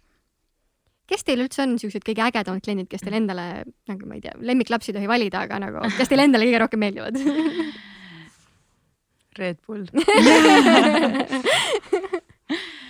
no meil on äh, väga ägedaks äh, kliendiks, äh, mulle väga meeldib abc King, meie Eesti mm -hmm. oma näiteks, et neile me oleme saanud teha ägedat videosisu ja seda ka siis levitada mm. -hmm. aga teil on ka teine töö. või ma, seda võib vist niimoodi kutsuda. Te olete DJ-d, te olete lausa DJ duo. nüüd on see koht, Laura. Jaa, oota, aga kuidas te siia selleni jõudsite? DJ, DJ Äh, ja meil oli kunagi kusjuures kontroller, mis oli, see on kõige algel, see on DJ Pro ja siis seal on need äh, ette salvestatud asjad on kaks tükki, on pasun ja siis seal on üks tšikk, kes ütleb DJ, DJ. ja siis esimestel pidudel on nagu DJ, DJ ähm, ja meil on teine amet jah aga me sattusime minu arust äh, tegema seda niimoodi, et äh, meie sõprusringkonnas hakkasid äh, poisid mingil põhjusel ostma kõik endale kontrollereid ja kõik hakkasid lihtsalt lambist muusikat mängima. vähemalt mul, mul on see niimoodi meeles. Ja siis me vaatasime, et okei okay,, see on päris lahe. ja siis äh, me tegimegi agentuuris ühel hommikul, ma ei tea, kust see mõte tuli tegelikult oli üks asi veel, mul tuli praegu meelde. Äh, me töötasime koos agentuuris onju ja pidi tulema mingisugune office party, mingi kontoripidu ühesõnaga yeah,. Yeah, yeah. ma ei tea, miks ma inglise keeles ütlesin. Be ja first siis, võid rääkida. ja siis tuli üks äh, meie töötaja, kes muidu. see on eesti keeles kontoripidu. aitäh subtiitrite eest ühesõnaga tuli üks äh, töökaaslane, kes oskas ammu juba DJ itada ja mängida puldiga tuli Laura juurde ja ütles, et kuule, et ma ei viitsi terve pidu ise mängida, et äh, kas te Triinuga ei tahaks, et te olete nagu lahedad inimesed ja ütles ja. Janar oli see ja Laura. tervitused Janarile Laura oli mingi, äh, no me ei oska mängida, et muidu võime, aga üks väike aga, et me ei oska mängida ja siis meil oli vist mingi paar nädalat äkki aega. ja siis mõtlesime, et davai, teeme ära, miks mitte, et meil ka lõbusam seal peol. ja siis me laenasime sõbralt kontrollerit tegime Spotify'sse mingi playlist'i, kusjuures ma arvan, et see on alles mm. -hmm. panime mingid lood kokku ja siis äh, mängisime kontori peal. kontroller, was is das? see on väike selline pult, mis äh, ühendad arvuti taha ja siis sa Aha. saad sealt siis muusikat miksida. ahah, okei okay. erinevatest kanalitest aga sealt edasi ja me juba tegime ühe hommikupeo kontoris, kus me tegime üllatuse oma töökaaslastele, et et äh, läksime mingi seitsmest või isegi varem, panime üles kõik tegelikult sa natuke mäletad seda valesti, see oligi niimoodi, et reedel pidi see office party olema Aa, ja siis jaa. neljapäeva hommikul me tegime hommikul, võtsime inimesed vastu ja siis enam-vähem jagasime selle peo flaiereid. et nagu meie main artist'id oleme ka seal. ja siis äh,, aga kuidas tegelikult kui siit edasi mõelda, kuidas see nagu päris asjaks läks, oli see, et äh, terve siis äh, sotsiaalmeedia kihas nendest videotest ja meie üks äh, klient nägi, et me mängime muusikat ja ta hakkas oma vennale üllatuspidu korraldama ja siis ta kirjutas, et kuulge, et me nägime, et teil on seal agentuuris need kaks tüdrukut, kes muusikat mängivad, kas ei tahaks mu venna sünnipäevale tulla? me oleme mingi, no ma ei tea, lähme siis. see oli meie esimene nagu esinemine. ametlik, ametlik oh kust te selle skill'i saite, sest DJ amet ei ole päris lihtsalt niimoodi, et paned Spotify mängima, seisad seal puldi taga või? no siin on tegelikult veel üks huvitav osa, et eh, ega me seda niisama ei saanudki, me läksime DJ kooli. jah, ja me käisime Sihuke asi on selline asi on olemas wow.. et siinkohal tervitused Peetrile et me- Te võite veel läksime- äh, reklaami teha. Peeter Ehala. noorte, ei, Peeter Taimla, me läksime noorte DJ kooli, kus me siis käisime nii teooriatundides kui ka praktikal jah, iga neljapäev Ja oli seal- praktikatund ja seal olid ka mingid üheksa-aastased poisid ja nad olid mega armsad. ja siis me nendega koos õppisime beat match imist ja kõiki muid algtõdesid, et ikkagi päris DJ-deks saada ja Jah. me käisime seal mitu kuud. Ja siis neljapäev, ma ei mäleta, kas oli või oli siis kord kuus neljapäeval oli siis läbimäng oli selle nimi. katusekohvikus oli siis nagu äh, vaba lava nii-öelda, et äh, kõik said siis mänguaega tund-kaks tundi niimoodi. see oli mega naljakas lihtsalt, et nagu alguses me ei öelnud oma sõpradele kellelegi, et me seal koolis käime, me hoidsime seda natuke saladuses mm. -hmm. miks? ma ei tea nagu noh, lihtsalt, et ei taha ära sõnuda ja mm. -hmm. proovime, et äkki saame ikkagi päriselt nagu DJ-deks Mhm. ja me nägime vaeva ja minu arust tegelikult. keegi naeris ka nagu selle üle mingi, et oh, DJ kool ja siis äh, ma arvan, et äkki natuke poisid naersid, et me niikuinii ei oska mängida või midagi. äh, väga ka- kaua me võitlesime ka sellega, noh, ma ei tea, kas võitlesime, aga sellega, et, et äh, umbes, et te noh, hästi palju tuli sellist suhtumist, et te ei peagi oskama mängida, et te olete tüdrukud, et äh, Te olete ilusad. Te olete lihtsalt Aa. seal, et vahet pole, mis te seal teete või et mis muusikat te mängite, et niikuinii äh, äh, umbes kõigile meeldib või et ei peagi nagu vaeva nägema. jaa, aga, ja see oli ka üks põhjus äkki, miks me sinna DJ kooli läksime või noh, tahtsime ikkagi nagu asja päriselt ära õppida. ja sealt edasi ikkagi pisike jäi sisse, meile meeldis see, me hakkasime saama kutseid esinemistele ja siis, kui juba mingi ühe klubi esinemise ära teed, siis sai nagu nii palju sellest tagasi, et tundsid, oh nüüd tahaks kohe veel, on ju. ja kuidagi niimoodi see pall läks veerema kuidas te jõuate nagu selles mõttes, te käite nädalavahetusel mängimas mussi, käisite? äkki see läheb eetrisse jaanuaris tõenäoliselt, nii et äkki siis on uuesti avatud kõik. lootus sureb viimasena ja siis nädala sees käite tööl, tavatööl, kuidas te jõuate, kas te puhata ei taha? kes palju teeb, see palju jõuab. ma olen mõelnud sellele küll, et äh, sellele, et erinevad inimesed räägivad, et neil on kiire, siis ma saangi aru, et inimeste kiirusaste on lihtsalt nii erinev. Et äh, minu kiire ei ole kellegi teise kiire ja kellegi teise kiire ei ole minu kiire. et ähm, ma ei tea, kui sa, sulle meeldib midagi, siis sa leiad alati selleks aja või kuidagi nagu jaa, täpselt, et kui sa tahad midagi teha, siis sa teed ja leiad selleks aja ja siin on väga oluline ka aja planeerimine. et ma olen vahepeal sellega hullult hädas olnud, et äh, planeerin produtsendina kõikide teiste aega, aga siis kuidagi enda asjad ikka kippusid kuhjuma. aga ma ei tea, nüüd on kuidagi mingi sihuke tasakaal tekkinud, et tegelikult jõuab kõik tehtud ja ma arvan, jõuaks, jõuaks isegi rohkem, sest et nagu jääb ka vaba aega üle kuigi Äh. noh, meil on ka olnud hetki, kus me oleme nagu nii väsinud olnud, kell kaks hakkab äh, see äh, esinemine või meie set ja siis me lihtsalt mõlemad magame minu suures toas põrandal, lihtsalt ootame, et nagu, et ei jaksa ise ka pidutseda või alati minna niimoodi, et, et oled juba meeleolus, et või lihtsalt siis ootadki lihtsalt, et lähed teed tööd ära.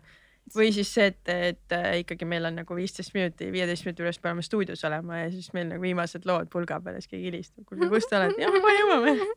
see on ja põhiline, et äh, meil on ikkagi, me elame nii sellel ohupiiril Lauraga, et äh, me oleme alati ikkagi suhteliselt viimasel minutil nende esinemistega.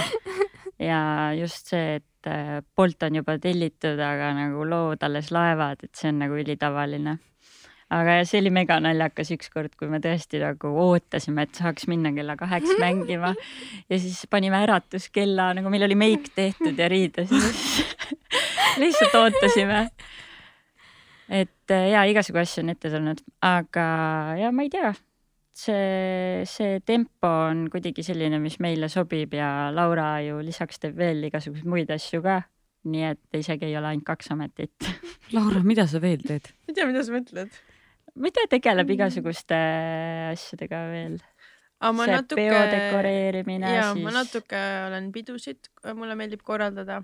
ja siis äh, jah, ja aidanud äh, pidude dekoreerimisega, et see on mul ka natuke lisahobi, et vahel ma äh, ja, ja, ja üks asi veel, et äh, kuna Laura on nagu näidanud ennast nii tugevast küljest äh, kingituste tegemisel ja pakkimisega ja kõige sellega, ja pidudega ka, siis nagu hästi paljud inimesed pöörduvad ta poole ja siis ta on tavaliselt nõus aitama.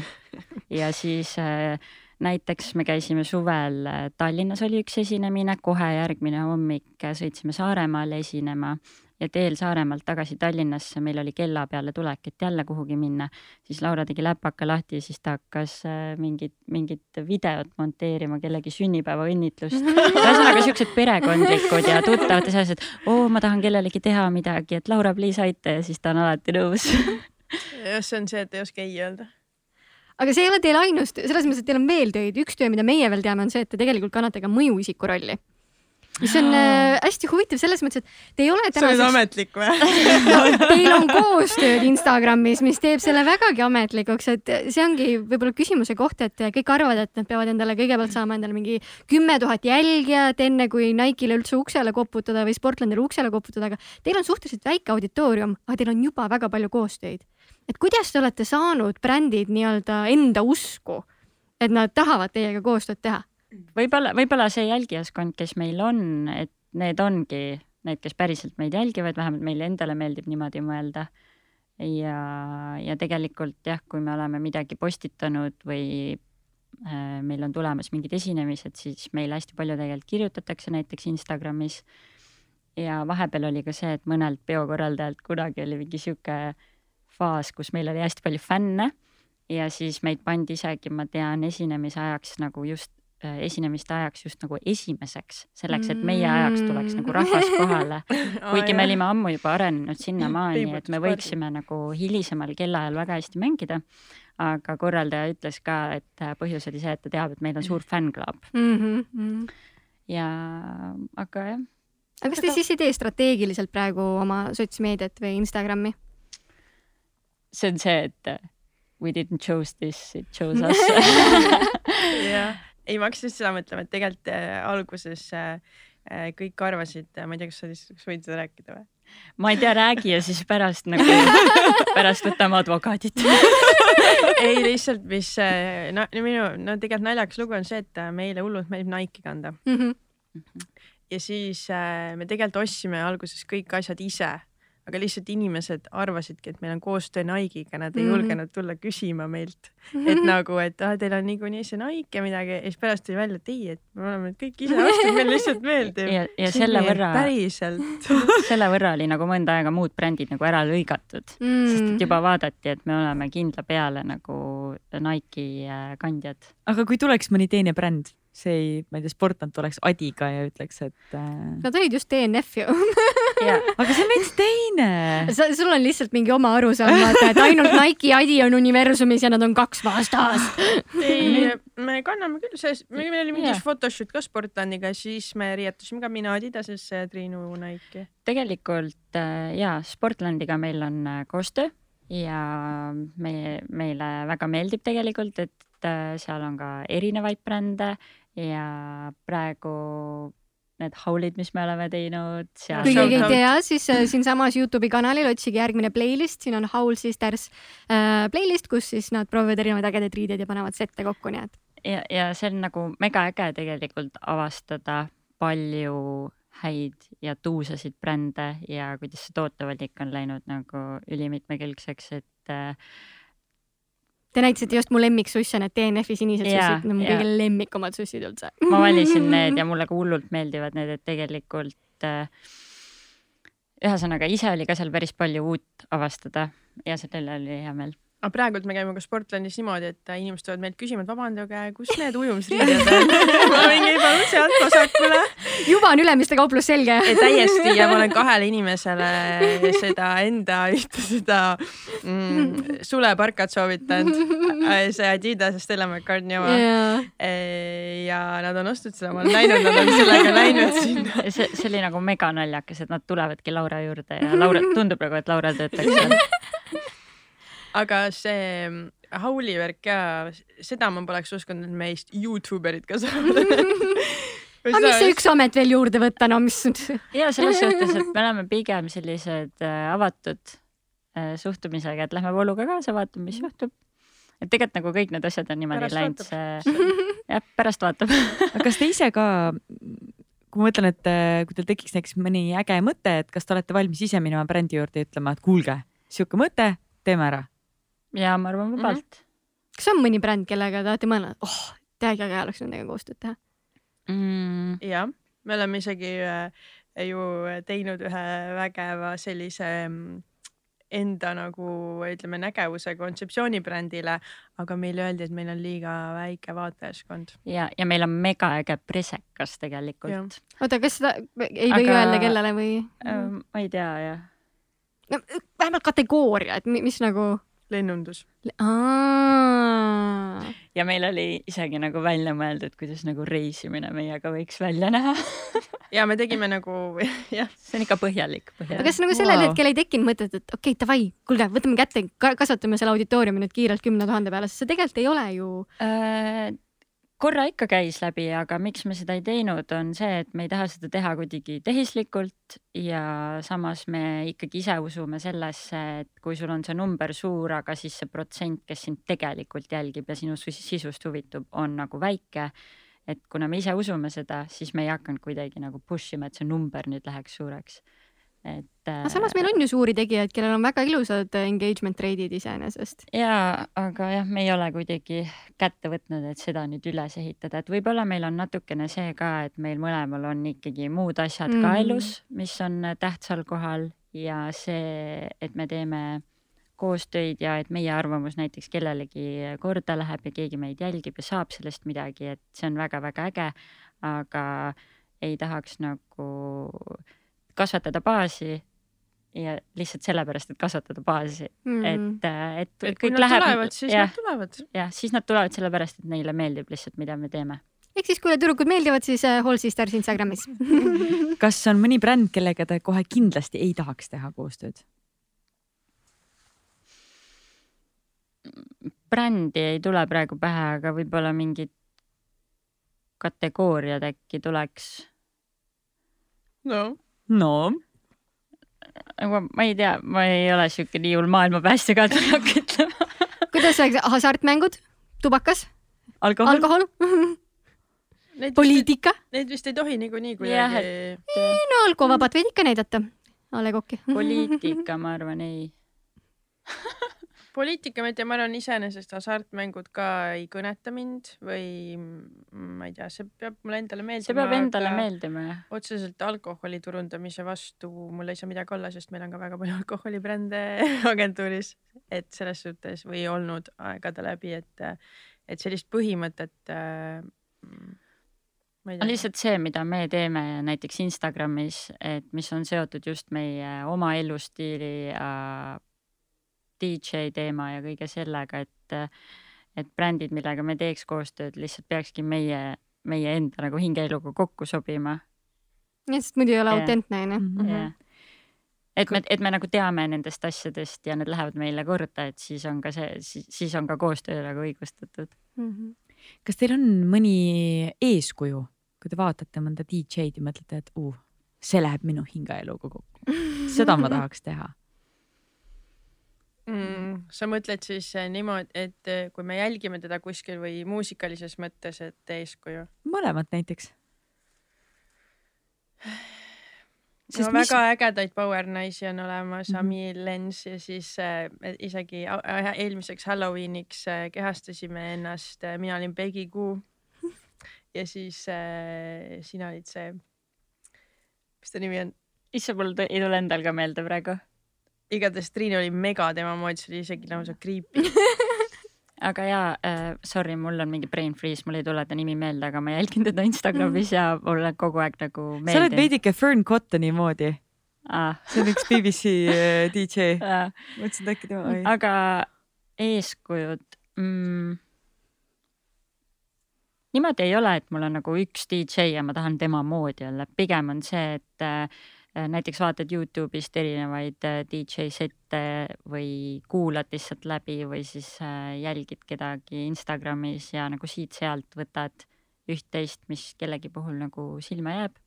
see on äge, kui äh, need DJ-d, kes ise ka muusikat produtseerivad, seda kahjuks me ei oska teha. aga aga kas tulevikus? seda on küsitud, ma arvan, et äh, ei saa iial ütle öelda iial või kuidas oligi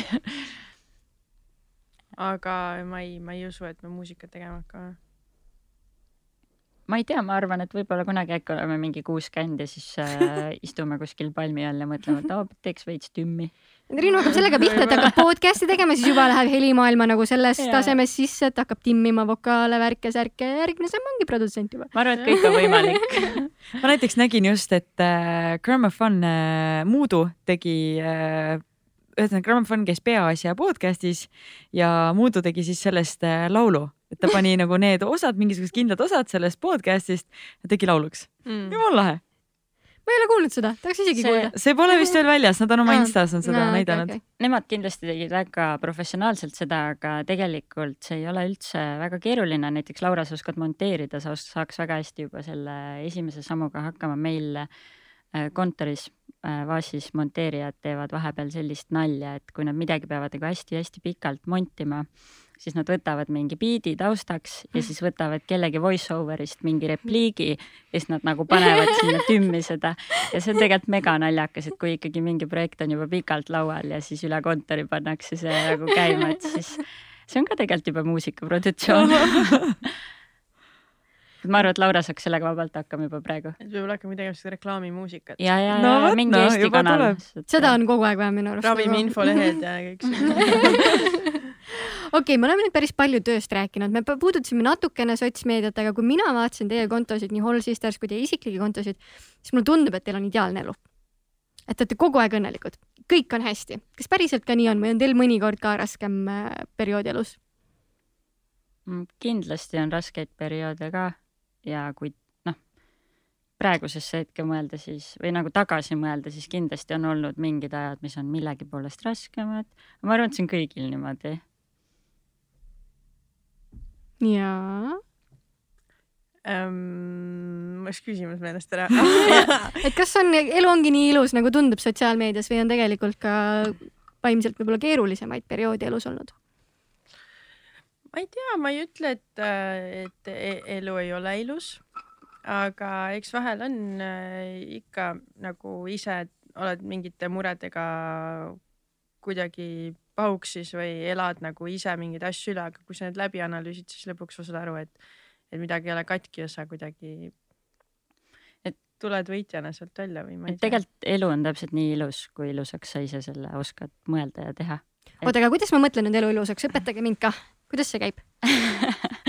no tegelikult, kui sa mõtled mingile olukorrale, mul on küll tihti niimoodi, tegelikult me oleme Lauraga ka arutanud, et nagu keegi küsib, et kuidas sul läheb, onju, siis tegelikult sa võid vastata, et mul läheb väga hästi või sa võid hakata ka mõtlema nagu mingeid väikseid vigu, mis nagu võiks paremini olla, onju.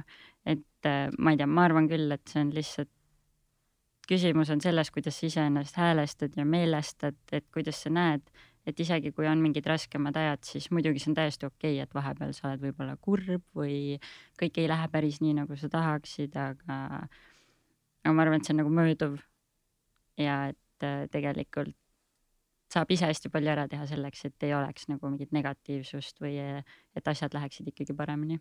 või vahepeal helistad Triinule nuttes ja siis äh, saad aru kõne lõpus, et tegelikult kolmkümmend minutit, kolmkümmend minutit ja siis saad aru, et ah, issand, ma ei saa üldse aru, mis mul viga tegelikult oli. aga seda oligi, seda see on ongi vaja, see on väga hea nipp. Sandra, ma hakkan sulle helistama nüüd.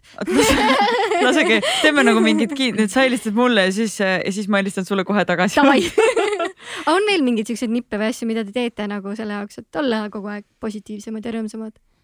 kusjuures ma nutan ülitihti. ma olen väiksest peale tihti nutnud, aga ma arvan, et see ei ole nagu mingi halb asi, vaid see mingil hetkel lihtsalt äh, sul koguneb ja siis sa nagu lased selle kõik välja ja siis läheb palju paremaks. et, et tihti tundub võib-olla, et ma nutan ülimõttetute asjade peale, aga see on nagu nii mõnus mõnes mõttes ja sihuke nagu vabastav, kuigi see on mega imelik. see ongi see, et siis sa nagu kuidagi filtreerid läbi. Et sa nagu eladki oma emotsioonid läbi, et see on okei okay,, et sa oledki kurb või et sa reageerid üle või mingid sellised asjad, et sa ei pea nagu enda sees hoidma või ei pea mängima, et sa oled mingi hullult tough. aga mul on ka see probleem, noh, ma ei tea, kas ma nimetan probleemiks või mitte, aga ma nutan ka suht tihti. nüüd seda on õnneks natuke vähemaks jäänud, aga kui ma läksingi IDEA-sse tööle, siis ma sain aru, et ma hakkasin tööasjade peale nutma ja siis ma istusin ühe tüdruku vastas, kelleks oli Laura. ja siis ma sain aru, et ta nutab sama palju või isegi rohkem. siis ma olin mingi, okei okay,, ma ei ole ainuke aga ja ma ei tea, see on meil selline ühine joon nagu aga... töö laua taga E ei, see on nagu, ma olin siis noor ja selline algaja, et nüüd ma enam selliste asjade peale nutma ei hakka. tööl ma nii väga ei nuta. aga, aga lihtsalt ikka, ikkagi noh, vahet pole, kas tööl või kusagil mujal, et sa teed asju nii, nii, nii hingega ja mm -hmm. siis, kui Mhm. nüüd midagi juhtub ja sa tunned, et kõik on sinu kontrolli alt väljas, et siis ikkagi tuleb nagu pisar silma ja midagi ei saa teha. Aga nüüd ma olen natukene õppinud seda rohkem kontrollima ka vahel jah, ikkagi aga siis on seesama vana hea, nagu Laura ütles, et helistad ja lihtsalt nagu räägid kõik. aga kas te teete midagi selleks, et äh, selliseid hetki ennetada ka? mm,? ikka, ma arvan, et lihtsalt see tuleb kõik sellise vanemaks saamise ja kasvamisega, et oskad rohkem oma emotsioone võib-olla kontrollida kui mingi viis või kümme aastat tagasi. ja kuidagi võtadki asju natukene chill imalt juba, et iga asi ei ole maailma lõpp, kui sa ei saa midagi tehtud nii, nagu sa pool tundi tagasi arvasid, et sa saad. et äh, sihukest rahu on nagu tulnud küll nüüd rohkem, ma ütleks. aga ma ei tea, kuidas ennetada, ma ei. Või on teil mingit praktikat? mingit nippi mina ei oska öelda. ei mediteeri hommikul? ei, aga mulle on hakanud viimasel ajal meeldima see, kui ma jah, vahepeal nagu niisama passin kodus mollutad mollut nagu mitte midagi ei tee, ei otsi endale ise aktiivselt tegevusi ja siis, kui ma olen nagu ära passinud, siis ma nagu juba jälle tunnen, et nüüd ma olen nagu kõigest maha rahunenud, hästi nagu sihuke puhas leht, et võin nagu uute asjadega pihta hakata, et võib-olla jah see, et vahepeal lihtsalt kodus mollutada, see on äh, hästi mõjunud. see on väga oluline tegevus. on, Jaan Aru nõustuks nagu sinuga sajaprotsendiliselt, ma teen siin raamatusoovituse, lugege Jaan Aru Ajust või Arust, see oli Ajust ja Arust, selline raamat. peaks kokku lugema, mitmes podcast'is sa seda öelnud oled. ma olen vähemalt kümnes, vähemalt kümnes ja ma andke jätkan seda soovitust. teada, kui te olete selle juba läbi lugenud, siis Sandra saab linnukese kirja panna, et tehtud. kas sul on koostöö? ei ole, aga ma tahaks, ma tahaks küll temaga, tema ja Arkadi Popoviga tahaks täiega koostööd. ma tahaks näha, kuidas see välja näeb. aga Sain, liigume su lemmikteema juurde. ja liigume ähm, rääkige, me rääkisime praegu sellest, kuidas äh, oma vaimset tervist hoida. kas te olete mõelnud või kas te mõtlete igapäevaselt sellele, kuidas oma maailma enda ümber hoida, kas te teete teadlikult äh, valikuid, mis vähendavad teie ökoloogilist jalajälge? tahad alustada äkki? Nice try mul on korduvkasutada pudel mis veel? kas sa kasutad ka seda või see lihtsalt seisab? kasutan äh,. ei teagi, me just autos arutasime, et, et äh, ma ei tea, mis ma ütlesin. tahad, ma lõpetan su lause, Laura? Ma olen väga harjunud seda tegema. tegelikult ma arvan, et me oleme suhteliselt samas kohas Lauraga selle teemaga, aga me mõlemad saame aru, et isegi kui sa ei ole eriline aktivist ja äärmuslik, et sa nagu kõike, kõike by the book teed nagu niimoodi, et ühtegi kilekotti kunagi ei kasuta ja nii edasi. et siis tegelikult see, et maailm liigub sinna suunda, et sa pead nagu ennast ümbritsevat hoidma ja tegema mõistlikumaid valikuid, siis see kuidagi tuleb niikuinii iseenesest meieni, me nagu ei puksi selle vastu. et meil ongi korduvkasutatavad näiteks klaasist pudelid on ju, mida me täidame, me joome kraanivett Lauraga mõlemad ja nii edasi. et no ma olen näiteks prügi sorteerinud, aga vahepeal ma ei sorteerinud, sest ma ei leidnud kohta, kuhu seda viia. et ma olen nagu selliseid asju proovinud ja ma arvan, et nagu kõik need asjad, noh, et ei võta enam nii palju neid väikseid kilekotte puuviljade ümber ja mis Aa, neid iganes. ma ei võta jah. me ei võta ammu neid enam, aga me ei too seda ka, ma arvan, liiga palju esile. aga samas see on juba normaalsuseks saanud, et äh, ma arvan, et see vaikselt saabki, lihtsalt äh, mõned on eestvedajad, mõned on siuksed kesk, keskmisel tasemel, mõned on sabassõrkijad. et äh, ma arvan, et me teeme juba siukseid valikuid, aga võib-olla me veel nii palju isegi ei, ei ole mõelnud või teadvustanud, mida me teeme. mulle vahel ongi niimoodi, kui ma jälgin mingeid inimesi või asju, siis nad teevad ja räägivad nendest asjadest nii hingega, et vahepeal mul tekib nagu paha tunne, et, et ma nagu ei tee seda või kuidagi, et kui ma nüüd ei seisa kellegi eest niimoodi või et, et kas ma nüüd halvem inimene.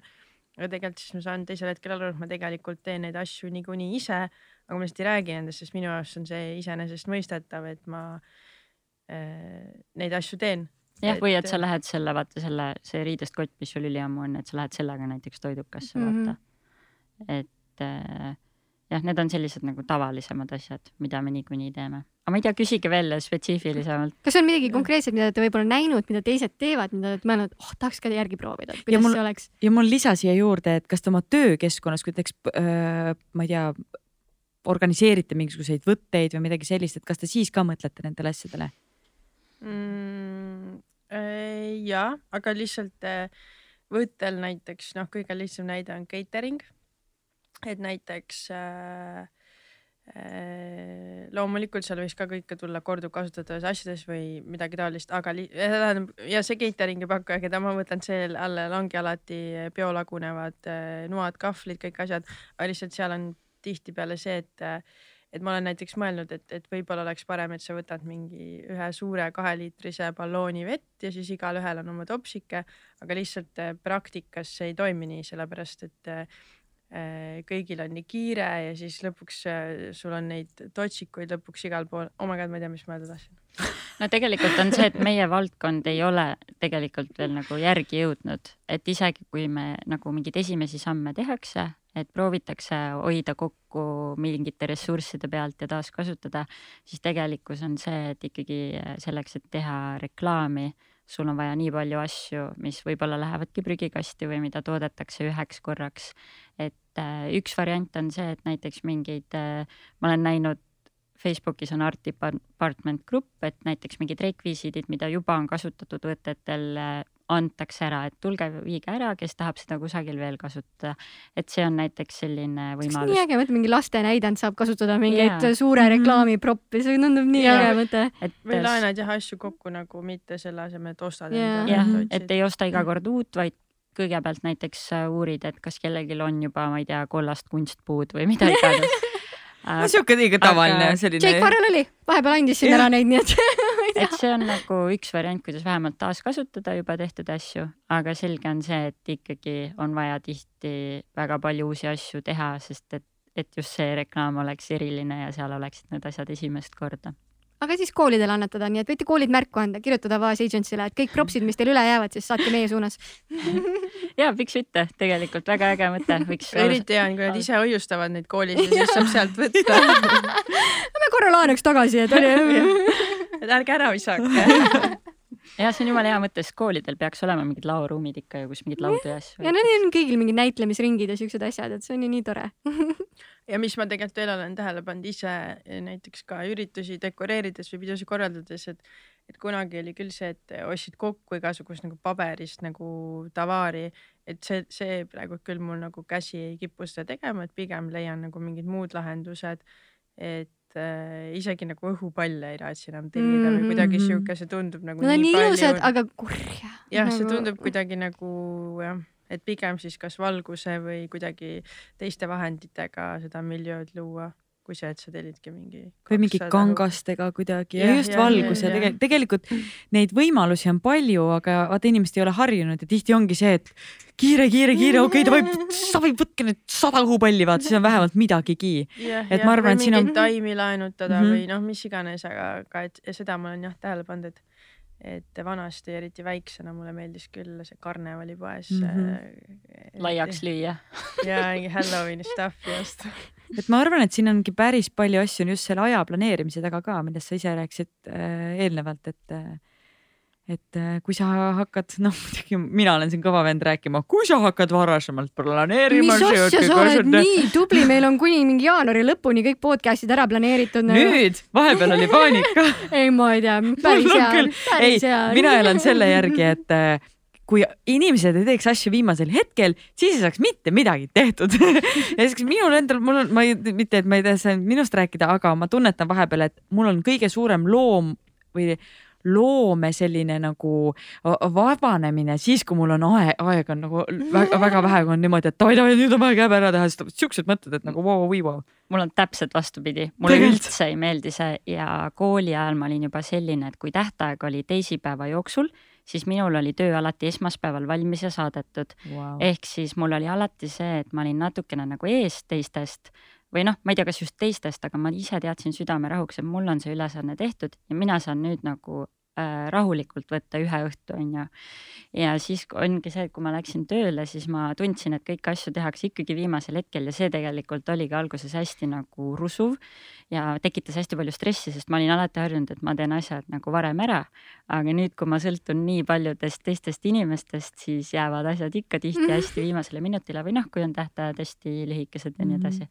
et siis nüüd ma olen ennast nagu treeninud, et ja, ja proovinud nagu õppida, et asjad ongi alati viimasel hetkel vaja ära teha. mina olen ka pigem ikka viimase hetke inimene, et kõige motiveerivam ongi deadline et jah nii, kas me läheme nüüd äh, meie mõlema lemmikteema juurde? jaa, absoluutselt. räägime spordist, tüdrukud.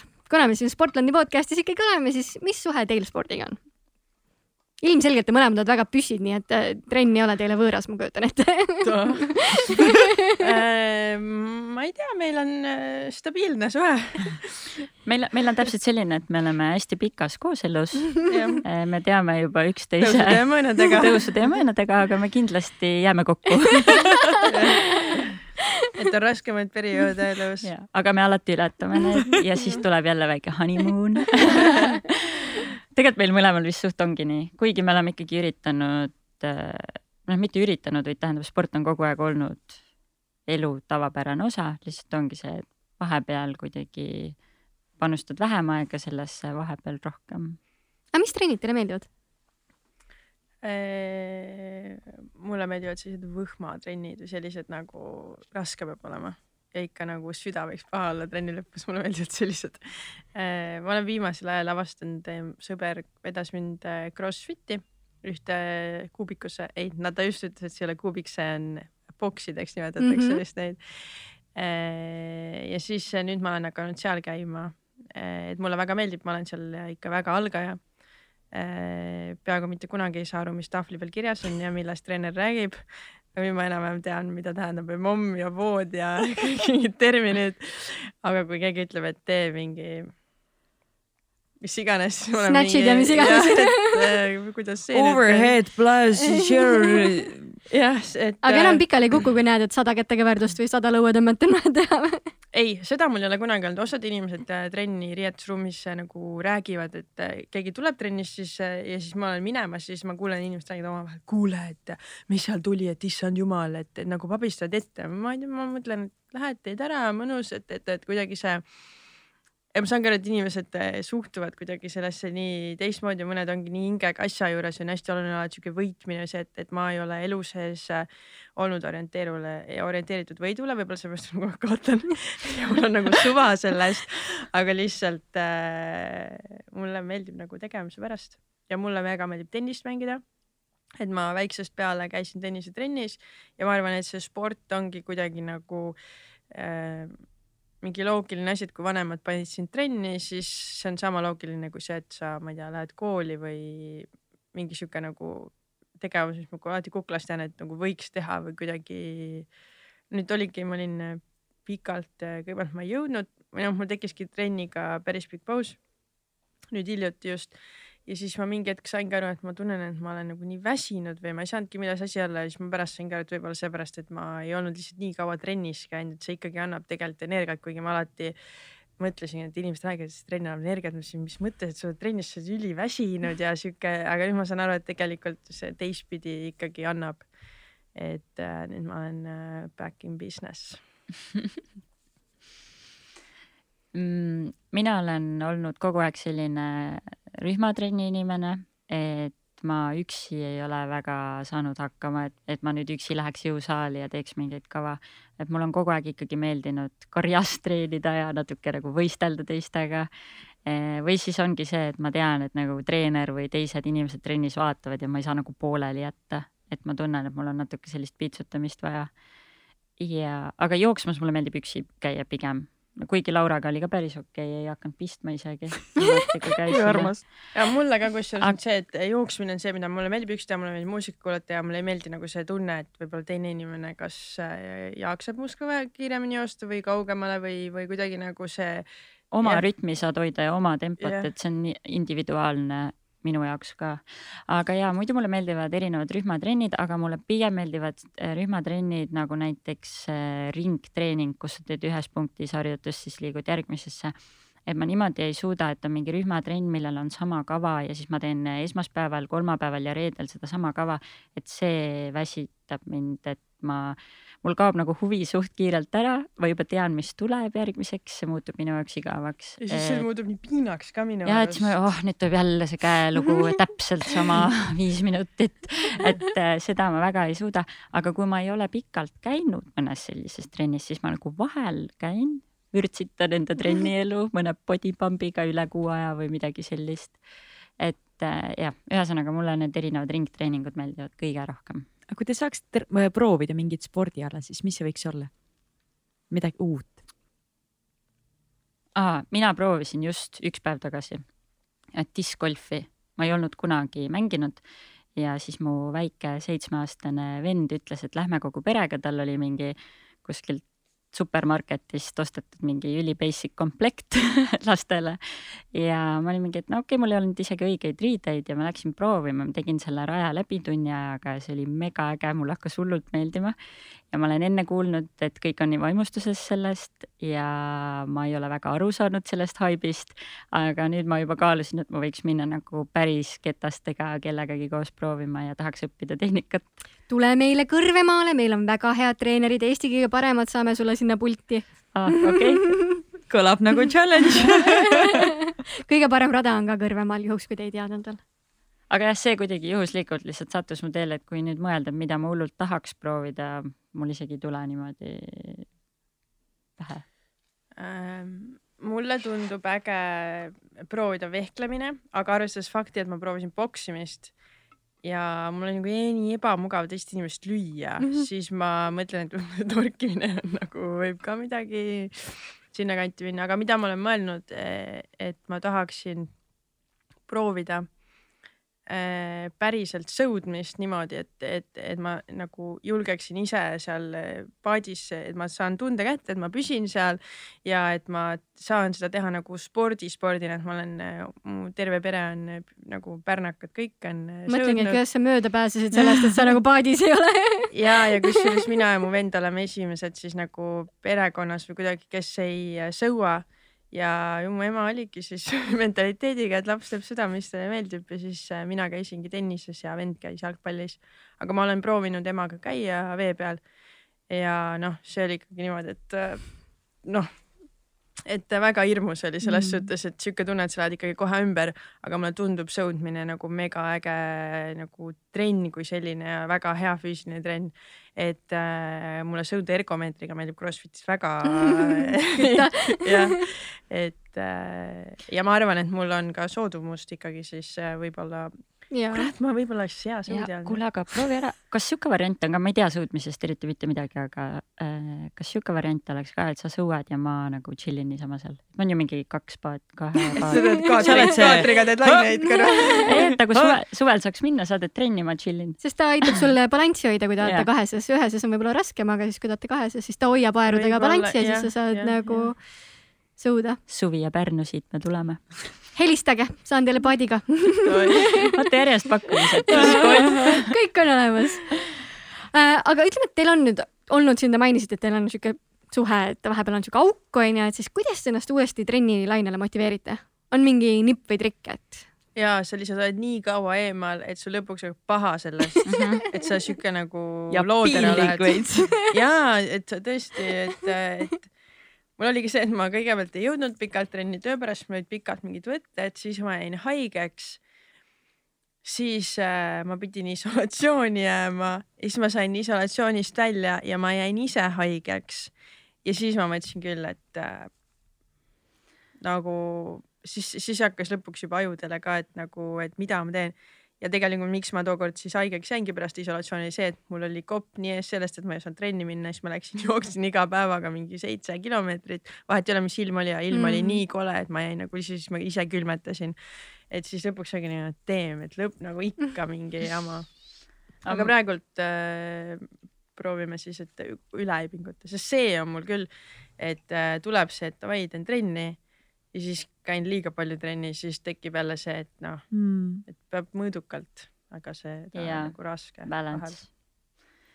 Balance. mul on olnud ka need hood, et nüüd hakkan hullult tegema ja siis nagu lihtsalt mingi iga päev teen, aga nüüd ma olen sellest veits äh, kuidagi üle saanud, et enam ma nii hullult ei tee, et mul on kuidagi tekkinud selline rütm, et ma teen pigem natuke vähem nädalas trenni, aga iga nädal ikkagi teen. ja äh, kui ikkagi tekib see mõõn või see paus, siis tegelikult täpselt nagu Laura ütles, et mingi hetk sul käib lihtsalt nagu klõps ära, sul hakkab endal paha sellest, et sa ei ole liigutanud. Ja siis keha ütlebki, et nüüd mine.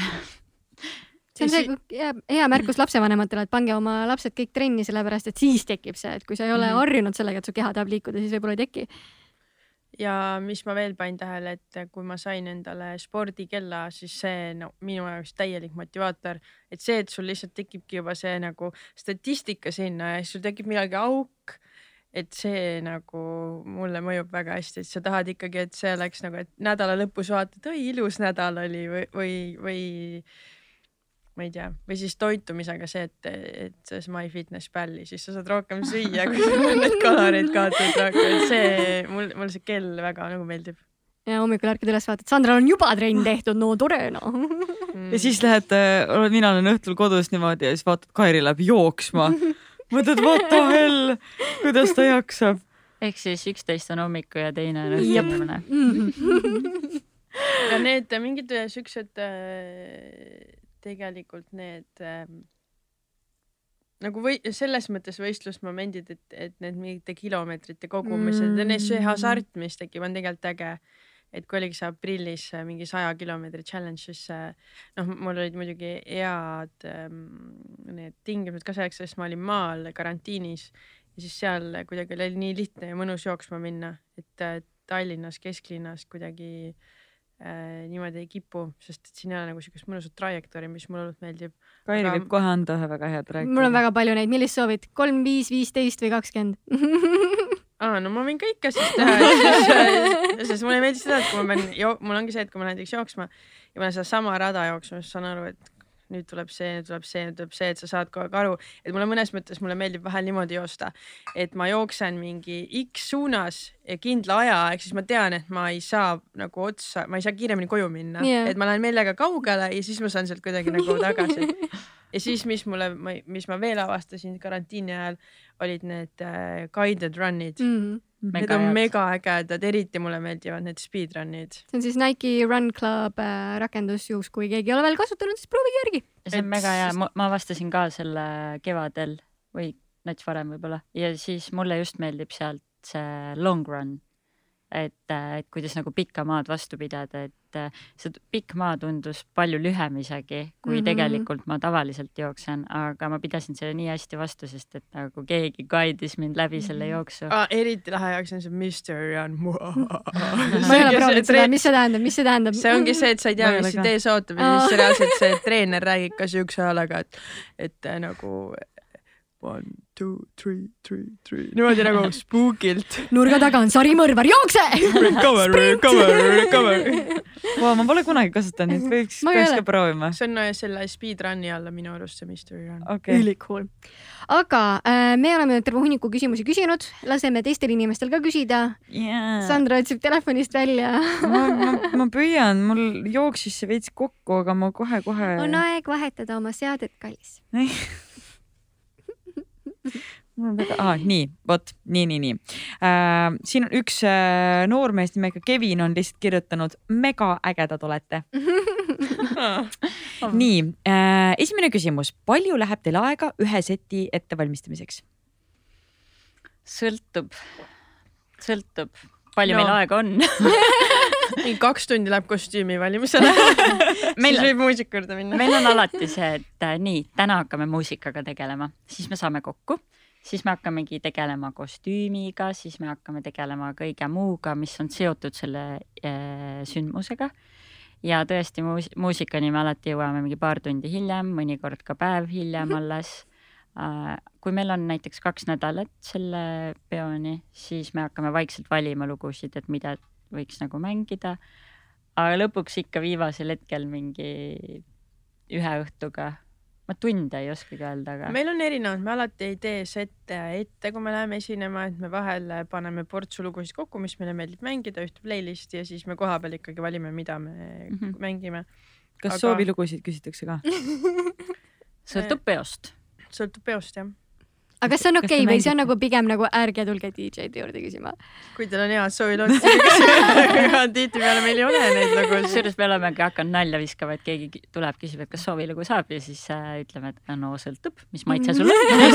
selles suhtes, et, et kui, et kui tullakse meie juurde ja meil on see lugu, mis ja selles suhtes see on meie sti, stiillugu, mida me mängime, siis ma ma ei näe põhjust, miks ma ei võiks talle seda head meelt teha, aga Mhm. tavaliselt see probleem tekibki sellest, et et need on nagu üks räägib aiast, teine aiaaugust mm, -hmm. et, et äh, et kui ma tulen ja Hathaway'd tahan, siis ei panda? sest meil ei ole, me ei saa panna füüsiliselt klubis, sest meil ei ole seda lugu äh, Ostetud. pulga peal. aga kuidas teil on siis, te võtategi pulga peale, panete kõik lood, aga Spotify'd, siuksed asjad, need ei või kasutada? ei, selleks see, me ükskord olimegi peol, kusjuures see oli üks erapidu. ja siis me mängisime kuueteistaastastele muusikat. Oh wow, tough siis- crowd. ja, aga võib-olla noh, võib-olla lapsevanemad valisidki enda muusikamaitse järgi DJ-d sinna. igatahes äh, sel-, nagu seltskonnale meeldis, aga olid mingid äh, lapsed siis, kes tulid soovilugusid küsima. küsiti no erinevaid siukseid klassikalisi asju, mida küsitakse tavaliselt sellistel äh, pidudel nagu APA ikkagi ja isegi Raul Sepperi lindad küsiti ja siis lõpuks me nagu mõtlesime, et, et nagu, et see on lastepidu või noh, et see on teie pidu, et, et, et nagu sünnipäevad nagu meil ei ole selle vastu midagi, aga et, et meil oleks vaja selleks auksi kaablit, et palun mine küsi selle laps- sünnipäevalapse isa käest siis kaabel. ja siis poiss tuleb tagasi. kavaldasite meid üle. et selle paps ütles, et mitte täna et nagu me olime, et palun, et me mängime, aga et ja soovilugusid ikka küsitakse, aga üldiselt klubides mitte nii väga, kui oled eriti kaugemal ka rahvast. ja klubides tegelikult ei ole seda, et ei küsita meilt soovilugusid, vaid tuleks küsima, mis lugu see on ja, ja tullakse pildistama, et äh, millega tegu, kui sa šammi ei leia.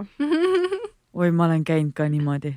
Shashamiga lihtsalt niimoodi tiksul. ei no see on okei okay,, aga Triinu šammi meie lugusid puldis. oota, mida sa teed, su šamm lahti? meil on niimoodi, et äh, mängime täiega kuskil klubis ja siis lihtsalt oma muusika tundub nagu nii hea ja eriti nagu valjult seal see bootmonitor on täiega põhja keeratud ja ise hullult kaifid oma mussi. ja siis äh, mingi hetk tekkiski see nali, et Laura lihtsalt märkab, et mida sa teed ja siis ma sämmin või pildistan ise nagu üles meie lugusid, mida ma tegelikult tean, mis on mul olemas, aga lihtsalt, et mul oleks nagu järgmine päev meeles, mis need eriti head lood olid. ja siis, mida ma olen ka teinud vahepeal, kui, kui meil ei ole seti ette tehtud, siis teinekord äh, mingist loost mingisse järgmisse lugu üleminek või see, kuida-, nagu kuidas see see kulg nende lugude vahel on nii hea, et mis tol peol tekib, siis ma ka vahel kirjutan notes'i, mis need järjekorrad on. et, Ja, et teinekord siis võib-olla, kui meil on set ette tehtud, siis on nagu hea kasutada. okei okay. Nii äh,, mis on kõige crazy mad laivid, kus te ise esinenud olete? Crazy mad laivid.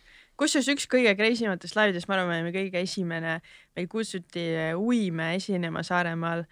Off-season oli mingi november või mm. -hmm. mis iganes, kus öeldi, et, et no ma arvan, et arvati, et seal ei ole rahvast, et las tulevad, proovivad ja see oli täismaja, kuigi no Uim on nii väike, et seal on võib-olla raske mitte täismaja teha, aga selles suhtes ma arvan, et see äh, oli üks crazy matest laividest, kus me oleme olnud. ja see oli mis see seal oli juhtus siis? nagu no see on üks väike surfibaari laadne baar, ongi surfibaar Kuressaares mm. -hmm.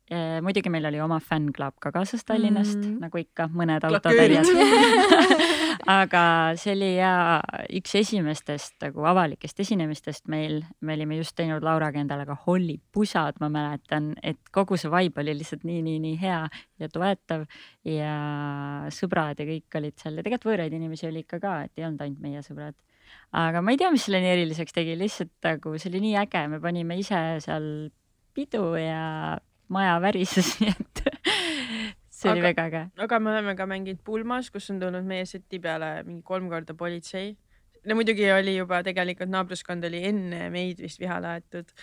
ja lõpuks äh, lõppeski niimoodi, et äh, elekter tõmb- või see juhe tõmmati seinast. politsei poolt või? Öeldi, et elekter läks ära. ei, restorani äh, Mhm. kohalike Mm. poolt. mm..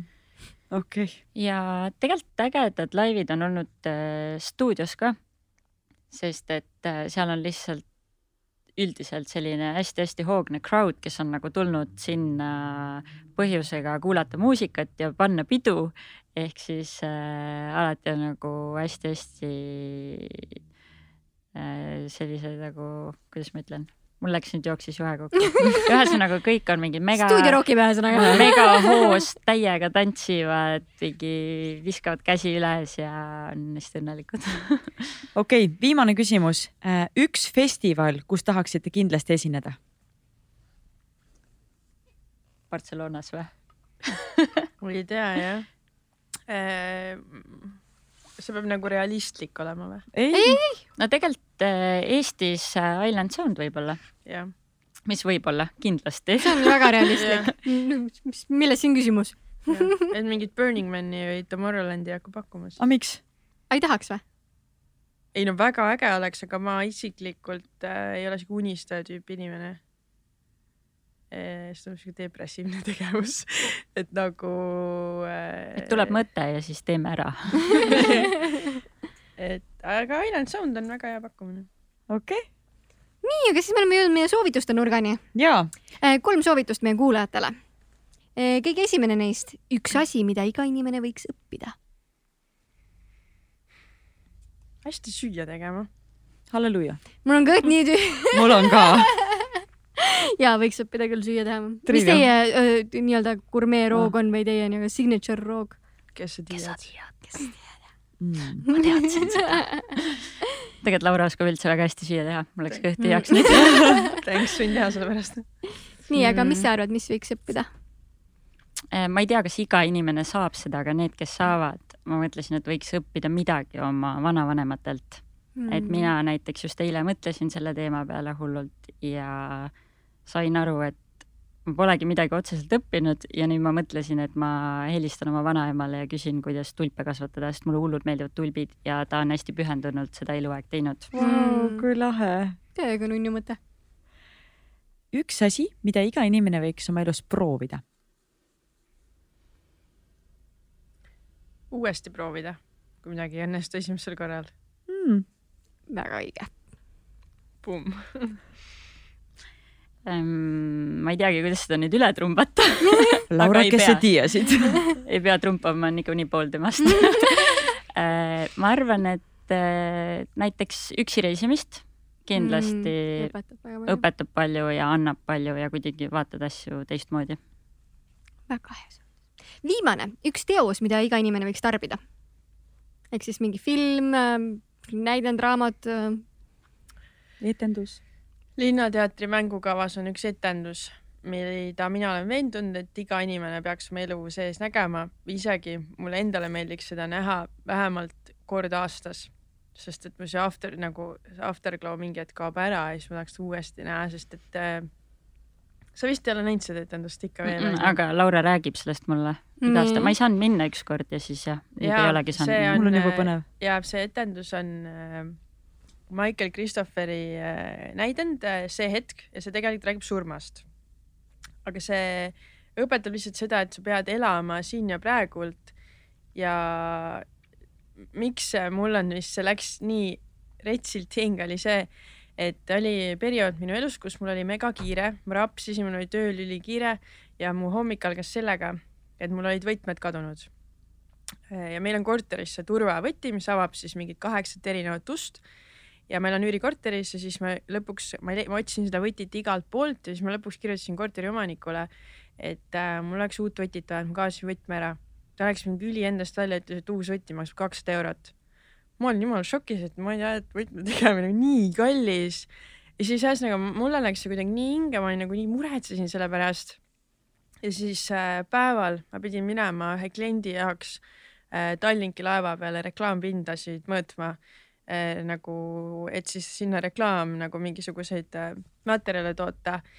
ja ülikiire oli, ma jätsin läpaka autosse äh,. ma lähen laeva, me pidime ära mõõtma sellega, selle aja sees siis need asjad, kus laev on sadamas ja mingi hetk ma tunnen, et laev sõidab. Ja siis see, see nagu, nagu laeva esindaja oli seal, et okei okay,, et, et vaatab kella, et viis minutit on tegelikult aega või kümme isegi, et, et, et okei okay,, et ma helistan kaptenile umbes. siis kapten on ülipahane, et, et no ei saa, no ei saa tagasi keerata, ei saa seisma panna, et see on mingi suur error, et no midagi ei saa teha. ja siis ma sõitsin Helsingisse tagasi ja siis ma jõudsingi tagasi mingi pool seitse või mingi kaheksateist nelikümmend viis, jooksin hobuveskisse teatrisse ja jõudsin napilt sinna. vaatasin etenduse ära. saingi aru, et ela hetkes nagu võta rahulikult või nagu kõik asjad ja mi, miks ma sellest räägin, on see, et ma ei tee nalja, ma läksin autosse ja need võtmed olid seal, kus ma olin hommikul kaheksa korda nagu otsinud ja ma reaalselt usun, et mingi inimene võttis need hommikul ära mult ja siis pani etenduse ajal tagasi ja võttis ja pani selle laevaga ära varem sõitma. et nagu unreal ja pärast seda ma mõtlesin, et, et äh, mitte ükski etendus ei ole mulle nii hinge läinud või kuidagi kogu see kombo et tõesti, et, et varem, lihtsam on aeg maha võtta ja et jää siis kasvõi kuskile natukene hiljaks või, või et sa ei peagi kõiki asju nagu jõudma või kuidagi nagu, et sihuke nagu rapsimine, see on nagu kiiruse ületamisega, et tihtipeale, kui sa lõpuks siis istud tund aega seal politseiautos pärast või sinuga juhtub õnnetus, et see ei ole nagu seda väärt mm, -hmm. et pigem nagu noh, ühesõnaga. võta rahulikult. jah, et see etendus siis mis sinu soovitus oleks mm,? ma oma kogemusest äh, soovitan lugeda sellist raamatut nagu Trifiidide päev. ma ei ole kunagi lugenud varem ulmekirjandust, aga see on üks raamat, mille ma sel aastal läbi lugesin just kevadise karantiini ajal. Äh, tegelikult see raamat on kirjutatud vist mingi viiekümnendatel äkki, kui ma ei eksi juba. ja see äh, see ongi ulme, aga ma olin lihtsalt nagu nii, nii, nii imestunud et nii palju paralleele sai tuua praeguse maailmaga ja see, mis toimub. ehk siis nagu ma ühesõnaga olin hoopis äh, teistsuguse eelarvamusega, et millised on, milline on ulmekirjandus, aga ma sain aru, et, et see paneb nagu mõtlema, mis päriselt meil ühiskonnas toimub. ja ma arvan, et see oleks nagu üks äge asi, mida iga inimene võiks lugeda. et isegi kui ei meeldi muidu ulmekirjandus, siis äh, jaa, see raamat kindlalt meeldib see oli väga hästi kirjutatud ja väga-väga põnev ja pani mõtlema. ma vist ütlesin seda juba ei, super hea. nii no, tüdrukud, pakime ennast kokku tänaseks. aitäh teile, et te meile külla tulite. väga põnev vestlus oli. aitäh, et kutsusite. ja aitäh, vaatajad, et olite taas kord meiega ja järgmise korrani. sportland, Be First podcast